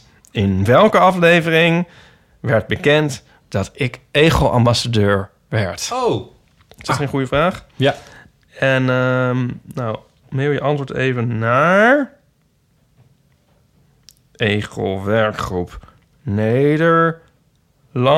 En het adres is Ego Werkgroep zoogdiervereniging.nl. Met als onderwerp Eeuw van Amateur, prijsvraag, neem ik aan. Zoiets. Zoiets, ja. Ja. En misschien ben jij dan wel dat Herhaal prachtige... Oh, wat? Ja, Ja, wat moet ik herhalen? Dit, want dat De heb vraag. ik nu nog. Even de vraag. Oh, de vraag. In welke aflevering ik eh bekend maakte ego-ambassadeur te zijn. Jezus. en eh, het antwoord kan dus naar uh, ego-werkgroep.zoogdiervereniging.nl Doe de groetjes aan Merel. Dat doe ik. En ehm, Die benadert natuurlijk wel zo allemaal de nieuwe luisteraars. Die benaderen hier wel een beetje. nee, maar die kunnen dan gaan terugluisteren. Jawel, maar die... Oké. Ja. Ja. Ik weet het zelf niet eens. Oh, Nee, ik weet het antwoord ook niet. nee, maar ja. Oké. Ja, het is alweer even geleden. Ja. Ja. Of niet. Je moet wel... Precies, je moet, zeggen, je moet flink het archief in. Of, eh, ja. Ehm, Moeten we niet een gesigneerde grip... eh, want we hebben er toch twee. Moeten we niet een gesigneerde grip verloten? zal ik een van mijn grippen verloten? Ja. Is dat een leuk idee? Ja. Ik hoef er niet twee. Dat is, dat is natuurlijk ook een beetje onzin. Ehm, Nu lijkt het alsof ja, ik maar dan moet ik dit... Dan moet, nee, maar dan moet ik dat ook weer verzenden en zo. Ja, nou en? Nee, maar dat komt goed. Dat kunnen we wel regelen. Oh. Moeten we daar ook een, prij, een, een vraag aan Ja, koppelen? natuurlijk. Niet. Ja? Oh. Oh. Oh, anders weten we niet aan wie moeten we hem dan geven. Ja. Jij net een getal in je hoofd. Onder de, onder de 100. Ja. Ja, het schuift zo op en dan moeten mensen dat raden. Is dat niet het beste? En dan wie het getal raadt of het dichtst Ja. bij, die krijgt het boek. Is dat niet Ja, handig? dat heb je Lijkt snel gedaan. Of je, nou ja, oké. Maar tegenvoorstel zou zijn... Ja. eh, verzin, verzin iets leuks eh, voor buiten je. Comfortzone. Comfortzone. Nee. Dat vind ik eigenlijk nog veel beter. Hè? En dat ze dan even naar jullie mee. En dat jullie even iets, één, één iemand kiezen van je denkt, nou, Dan dat, dat kiezen vind ik we. nou Wat echt... een- eh, Dat is goed. dat- Prijzenfestijn is dit. Dus. bonanza. Win een, eh, win een exemplaar van Grip van Rick Pastoor. Eh, stuur een mail aan botten.eeuwvanamateur.nl met daarin eh, het antwoord op de vraag... wat is het meest buiten, buiten je comfortzone? Hoe zei je nou precies? Of ben je... ja, of eh, wat... Ja, goede vraag. Ja, iets in die geest. Iets in die geest. Iets met buiten je comfortzone. Vertel een leuk Stuur me- verhaal. Ja. stuur me wat. Stuur dat. En, eh, en de, de, de meest interessante... eh, dat doen we allemaal binnen een week, want anders dan blijft het Oh, maar komen. ja. Dus eh, dat is dan eh, even uit mijn hoofd de- voor 5 december. Moet het dan, eh, ja, Wanneer komt, eh, wanneer komt dit uit? Eh, vrijdag. Oh ja. Dus dat is de 29. eh, 29 plus eh 7, ze- nou ja, 5, 6 december. Nee, in ieder geval 5 december, huppakee. 5 december moet het dan binnen zijn. En dan, ehm, en dan Leuk. kies ik de mooiste uit. Ja, Dat gaan we regelen. gaan we regelen. En we hopen dat we de anderen dan ook eh, een beetje kunnen voorlezen. Dat zou natuurlijk wel leuk zijn. Ja. Ja. Ja, we hebben het wel ingewikkeld gemaakt met twee prijsvragen misschien. Maar goed, de mensen Ja. kunnen dit wel onthouden, toch? Ja, ja, ik Ja. weet niet waarom je we zijn, want jij ik hebt heb het zelf helemaal aangericht. Dat is waar. gedaan. Maar goed, eh, dat geeft allemaal niks. Ik heb er ook een draaiboek opgevouwen. Rick, ik heb bij jou nog, nog één heel belangrijke vraag. Oké. Hoe ken jij Bram de Wijs? Hoe ken ik Bram de Wijs? Eh, van YouTube. Van het vloggen? Ja. Oh. Ja, maar Maar jullie waren collega's. Nou, nee, niet, niet eens collega. Kijk, hij doet het al echt super lang. Ja. En, eh, eh, en ik denk dat als je het hebt over. eh, Vriend van de show. vriend van de show. Nee, maar waar, als, ik, als je het hebt over iemand die in Nederland gewoon het voor elkaar krijgt om dat al zo lang te doen. Ik heb altijd heel veel respect voor mensen die al dingen heel lang doen. Dat jullie vier, vier jaar dit doen, dat, is zo, dat bewijst ook iets van dat je ook... In, in het begin is het natuurlijk altijd een beetje aanmodderen. Want dan, Ja. is het, dan luistert er nog geen hond naar. Misschien wat bij jullie direct helemaal door het dak ging. Nee, nee, nog geen hond naar. Je hebt heel lang ben je in het begin Ja, bezig. toen En ik het wordt steeds makkelijker. Want dan heb je allemaal input en allemaal leuke dingetjes. En, dan, en dat, dat, dat heeft hij natuurlijk ook eh, op die manier gehad. Hij heeft nu gewoon een heel groot publiek. Of, Ja. Nou, eh, gewoon echt een groot publiek. Ja. Eh, en vind ik tof. En hij maakt mooie video's. Vind ik leuk. Ja. Eh, en eh, dus zo ken ik hem eigenlijk. Er zijn natuurlijk maar vrij weinig eh, mensen in Nederland die dat doen. Dus dan, als je, denk als je in Nederland een beetje dat gaat volgen, dan kom je bij- vrij snel bij Bram terecht. ja. Want hij Dus staat als, eh, als blurb, of in ieder geval, hoe Klopt. noem je het, in, eh, in je boek op het Ja, kaft. heb ik hem gevraagd. Ja, ja, heel leuk. Hey, je liet al een klein beetje schemeren wat, eh, wat, eh, eh, dat er een deel 2 aan zit te komen. Dat er aan een internationale versie wordt De- ja, daar werk ik aan, ja. ja. Dus je bent voorlopig nog wel even zoet. Ik ben er nog eens zoet mee, maar ik zit ook... kijk, dus de, de uitkomst van het boek is natuurlijk van... Nou ja, ik hoop je moet groot denken, groot dromen. Eh, en ehm, een van de dingen waar ik ook over na zit te denken is... ik vind het heel leuk om verder te verkennen... wat voor software ik eromheen zou kunnen bouwen. Kijk, mijn, mijn hart ligt uiteindelijk bij, bij software. Software eromheen bouwen. producten, ja. ja. Dat is een van de dingen die ik, eh, die ik ook aan het Wat zou je willen bouwen dan? nou, kijk, uiteindelijk... eh, ooit in mijn leven ga ik een, een to-do-app maken. Want dat is... Je hebt een soort van in de sterren geschreven dat ik dat ooit een keer moet doen. Eh, en de vraag is of dat nu is. Dus, dus dat is één. Maar ehm, ik vind wel dat heel veel van de software die we gebruiken elke dag... Dus als je, dit, je leest het boek en denk je, nou, ik wil ermee aan de slag... dan loop je toch ook tegen de beperkingen aan van de tools. Eh, ik zie daar Things bij jou, maar... Ja. ehm, en dat is super fijn. Ja, En duur. En ook duur, maar eh, eh, ook heel mooi, maar ook op bepaalde punten best wel heel vrij. Dus de, de mensen zeggen ook heel vaak tegen mij, dan beginnen ze met zo'n app en dan denken ze, ja, ik heb geen idee waar ik moet beginnen. En ook al probeer ik het echt stap voor stap uit te leggen, nog steeds is het best wel moeilijk. En dan, dan moet je het ook nog volhouden. Dus, ehm, Ik ben er super blij mee trouwens, met Things. en het is ook een fantastisch product, eh, maar ehm, het helpt je inhoudelijk niet. Nee, Dus het is je echt, moet het allemaal zelf, het zelf doen. Ja, het ding gaat er niet eh, dingen voor je uitvoeren. Nee, en dat is eigenlijk wel raar. Want dat betekent dat je een soort stellingkast hebt. En daar gooi je allemaal dingen in. Dat geldt ook voor je notities en zo. Dat is- flik je in een, in een systeem. Ja. Maar dat doet verder niks. Nee. Dus ehm, nou, dat is best wel leuk om daarover na te denken. Want zou je Wat iets- zou het kunnen doen? Dus wat zou het voor je kunnen doen? Ah. En wat zou het met je kunnen doen? Wat zou je soort van, hoe zou het je kunnen eh, op een normale manier? Maar wat zou je, wat, wat, wat, wat, wat zou je, ja, wat, en dat vind ik leuk. Vind ik leuk om Ja. daarover na te denken. Dus dat is ook een ander ding. En ik ben bezig met, eh, met een trainingsbureau die me gaat helpen om trainingen op te zetten. eh, die ik dan niet zelf geef, maar er wordt best wel veel wordt daarna gevraagd. Gripapostels. De, gri de gripapostels van Pastoor. Precies. Wat goed. Dus dat. Ja, En Genoeg te niet doen. ook die meer die eh stoïcijns eh, levensvisie en zeg maar waar je in deel 3 dan eh, Ja. over hebt, zou je dat niet meer willen uitwerken ook Eh, ja, alleen ik merk voor de dat, mensheid? Ja, maar, maar bijna iedereen zegt tegen mij... ik heb het eerste stuk gelezen en daarna, daarna vond ik het Oh. best wel ingewikkeld. en dat snap ik ook, want dat staat ook wat verder van je af. Dus ik, dus, eh, ik vind dat mateloos interessant. Maar ik weet ook dat voor heel veel mensen is dat gewoon echt... Ja. een paar stappen te ver. Dus, dus ik vind het wel leuk om daar in mijn nieuwsbrief... ik schrijf elke week een nieuwsbrief over slimmer werken... eh, op werkslim.nl. En eh, daar probeer ik wel ook... ja, elke maandagochtend stuur ik dan een mailtje... met eh, een paar dingen die je waar je in je werkweek misschien iets aan hebt. En dan probeer ik ook wel vaak een beetje een link te leggen tussen eh, nou, wat meer zingeving of eh, net iets meer eh, nou, over, dit, over dit soort Ja. achtige thema's, maar dan heel Ja. kort. Dus zo probeer ik het een beetje in, In, te een sneaken. beetje in te sneaken, ja. Ja, ja. oké. Nou, dat bij mij komt eh, nu een beetje aan het einde werkslim.nl. van... Ja, dat is een goede om te onthouden. Meld je aan voor die nieuwsbrief. Dankjewel. Bij mij komt nu aan het einde een beetje bovendrijven... want ik zit nog steeds met Marianne Donner in mijn hoofd. Oh ja, ja. Van, eh, jij hebt heel... Jij bemoeit je vooral met de dingen waar je invloed op hebt. klopt. Een soort cirkel om je heen, beschreef je het op een gegeven moment. Ja. Eh, en Marjan die heeft het volgens mij ook over de dingen die buiten die cirkel zitten. En hoe ga je daarmee om? Hm. En het is niet zo dat jij die cirkel wil vergroten om meer invloed te krijgen. Dat, dat zou kritiek op je, op je boek kunnen zijn. Ja. Nou, Hm. zeg maar wa- waar je invloed op hebt, dat je daar controle over hebt. Maar het is niet per se je idee om die cirkel groter te maken. Heb Nee, maar ik heb wel het idee dat, dat je soms eh, kunt eh, ervaren dat die cirkel klein is. Maar op het moment dat je gaat kijken wat je echt kan beïnvloeden... dan is die eigenlijk een stuk groter dan je denkt. Juist. Dus bijvoorbeeld dat... eh, eh, ik las laatst een artikel over... eh, eh, waar ging het nou over? Oh, dat ging over de snelheidsverlaging van, op de snelweg. Van 130 130 naar naar 100. En dat er toen eh, werd geschreven van, eh, vanuit het CDA... zeiden ze dat volgens mij van... eh, we hebben vrij weinig e-mails gehad dat mensen dit een probleem vinden... dus we gaan ermee akkoord. En dat is typisch zo'n dingetje dat je denkt... hoeveel zin heeft het als ik ergens wel of niet mee eens ben... dat ik een mailtje stuur naar iemand binnen een politieke partij... ja, om mijn mening te geven. kennelijk En- en best heel wel wat. ja, en, en, en, en dat heeft best wel invloed. En we denken heel vaak, het boeit ze geen zak. Je hebt helemaal geen invloed. Je kunt, je kunt er ner- Maar ik, ik, ik, wil, ik denk serieus dat als het niet over hele grote onderwerpen gaat... zijn er maar heel weinig mensen die echt van zich laten horen. Ja. En zo kun je, denk ik, heb je veel meer invloed dan je denkt. En dat Ja. is een stukje bewustwording die ik wel heel fascinerend vind. Daarom vinden wij de iTunes-recensies zo belangrijk. Hey. Nou, Nee, grapje, ja. dit is wel een goed punt. Ja, nou, daar wou ik er misschien nog één ding over zeggen. Van, van, voor mijn gevoel is het dan zo dat, dat je, bewust wordt van hoe groot die cirkel dan precies is. Laat het dan zo zeggen. Ja, Want dan vallen die e-mailtjes die naar het CDA kunnen gaan, die vallen daar Vallen daar ook in. onder. ja.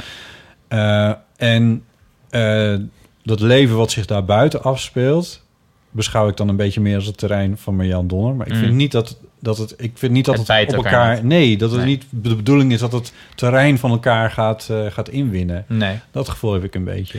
Nee, maar ik denk wel dat, kijk, wat het punt wat zij natuurlijk ook maakt, is dat, dat als je zo eh, bezig bent met, met dat alles perfect moet zijn, Ja. ehm, dat alles en maakbaar is, maar dat je het niet voor jezelf doet, maar voor de, voor de buitenwereld, Ja. ja. dat is niet een houdbaar ding. Dan, dan ga je stuk op dat punt. Als je, als je de hele tijd bezig bent Ja. met, ik wil perfect overkomen voor, voor de rest. Ja. Maar dat is ook niet wat jij beweert. Dat is, dat is Nee. niet wat, wat ik over... En ook niet wat je Probeer. zoekt, want dat heb je ook Nee. wel, eh, wel laten zien eh, in deze Maar podcast. een, een, een tweegesprek tussen jullie, dat lijkt mij wel heel leuk. Daar zou ik wel graag eh, willen Zou bij horen bij aanhaken? willen zijn. ja, Ja, daar zou ik ook microfoontjes bij willen zetten. Ik zit een beetje te denken of het nou zo waar is. Want vorige keer al bij voorbaat verzoenden wij de twee boeken een beetje. Zo van iedereen verenigt dat ook een beetje in zich. Zeg maar, hè, soms ben je meer van het ene, soms Ja. meer van het andere. Maar ik, wa- wat volgens mij ook echt zo is, nog, denk ik nog steeds nu. Maar ik denk wel dat jullie wel echt aan, als personen heel erg aan andere kant Ja, van het ze staan. Dat werken vind ik wel grappig. Ze werken aan verschillende delen van. Ja, ja, ja. Ja, dat vind ik Ja, wel grappig. dat is echt heel erg leuk. Ja. dus vind ook we heel leuk organiseer dat. Wie gaat dat organiseren? Nou ja, eh, jullie, jullie kennen ons allebei, dus eh, ik wil zeggen, misschien moeten, moeten jullie wij over, dat maar doen. Misschien over een paar afleveringen, dan nodigen jullie ons allebei nog een keer uit. Ja, of zo. precies. Misschien, oh ja, Bedenk dat, dat zou wel zo leuk Dat is kunnen zo zijn. moeilijk te zijn. Nou, kijk Nou, maar. Ja. Lijkt me leuk. Kijken of dat in mijn jaarplanning in kan. Ergens eh, 2020. in kan brengen. hey, wat ontzettend leuk dat je er was. Heel graag gedaan. Ik vond het ook heel leuk. Ja. Oh, heb ik je nou een beetje overtuigd? Ai, nee, niet. Kijk, oh, ik zat te denken, van, ben ik wel genoeg hater geweest? Want jij wilde graag in gesprek met Ja. haters. Ehm, ja? Was het goed? Nee, ja, was, het nee, genoeg? was, was- het, was het genoeg? nou ja, ik, nou, die vraag moet ik aan jou stellen. Heb je, het, heb je het achterste van je tong laten zien? Ja, volgens mij wel. Oké. Ja. Ik vond het heel leuk. Ik Ik vond het ook ook, gezellig. Ik ook. Dankjewel voor langskomen. Rick Pastoor. Boek Grip is te krijgen via je eigen website. Eh, Gripboek.nl. Gripboek.nl. Dankjewel voor het langskomen. Ja. En eh, Tot de volgende keer. Ipe, dankjewel. Tot de volgende keer. Doei.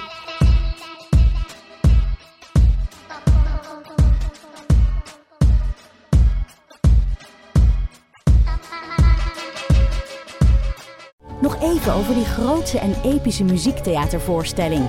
Het achtste leven voor Brilka is een marathonvoorstelling van 5 uur. Koop je tickets voor deze bijzondere theateravond via oostpol.nl.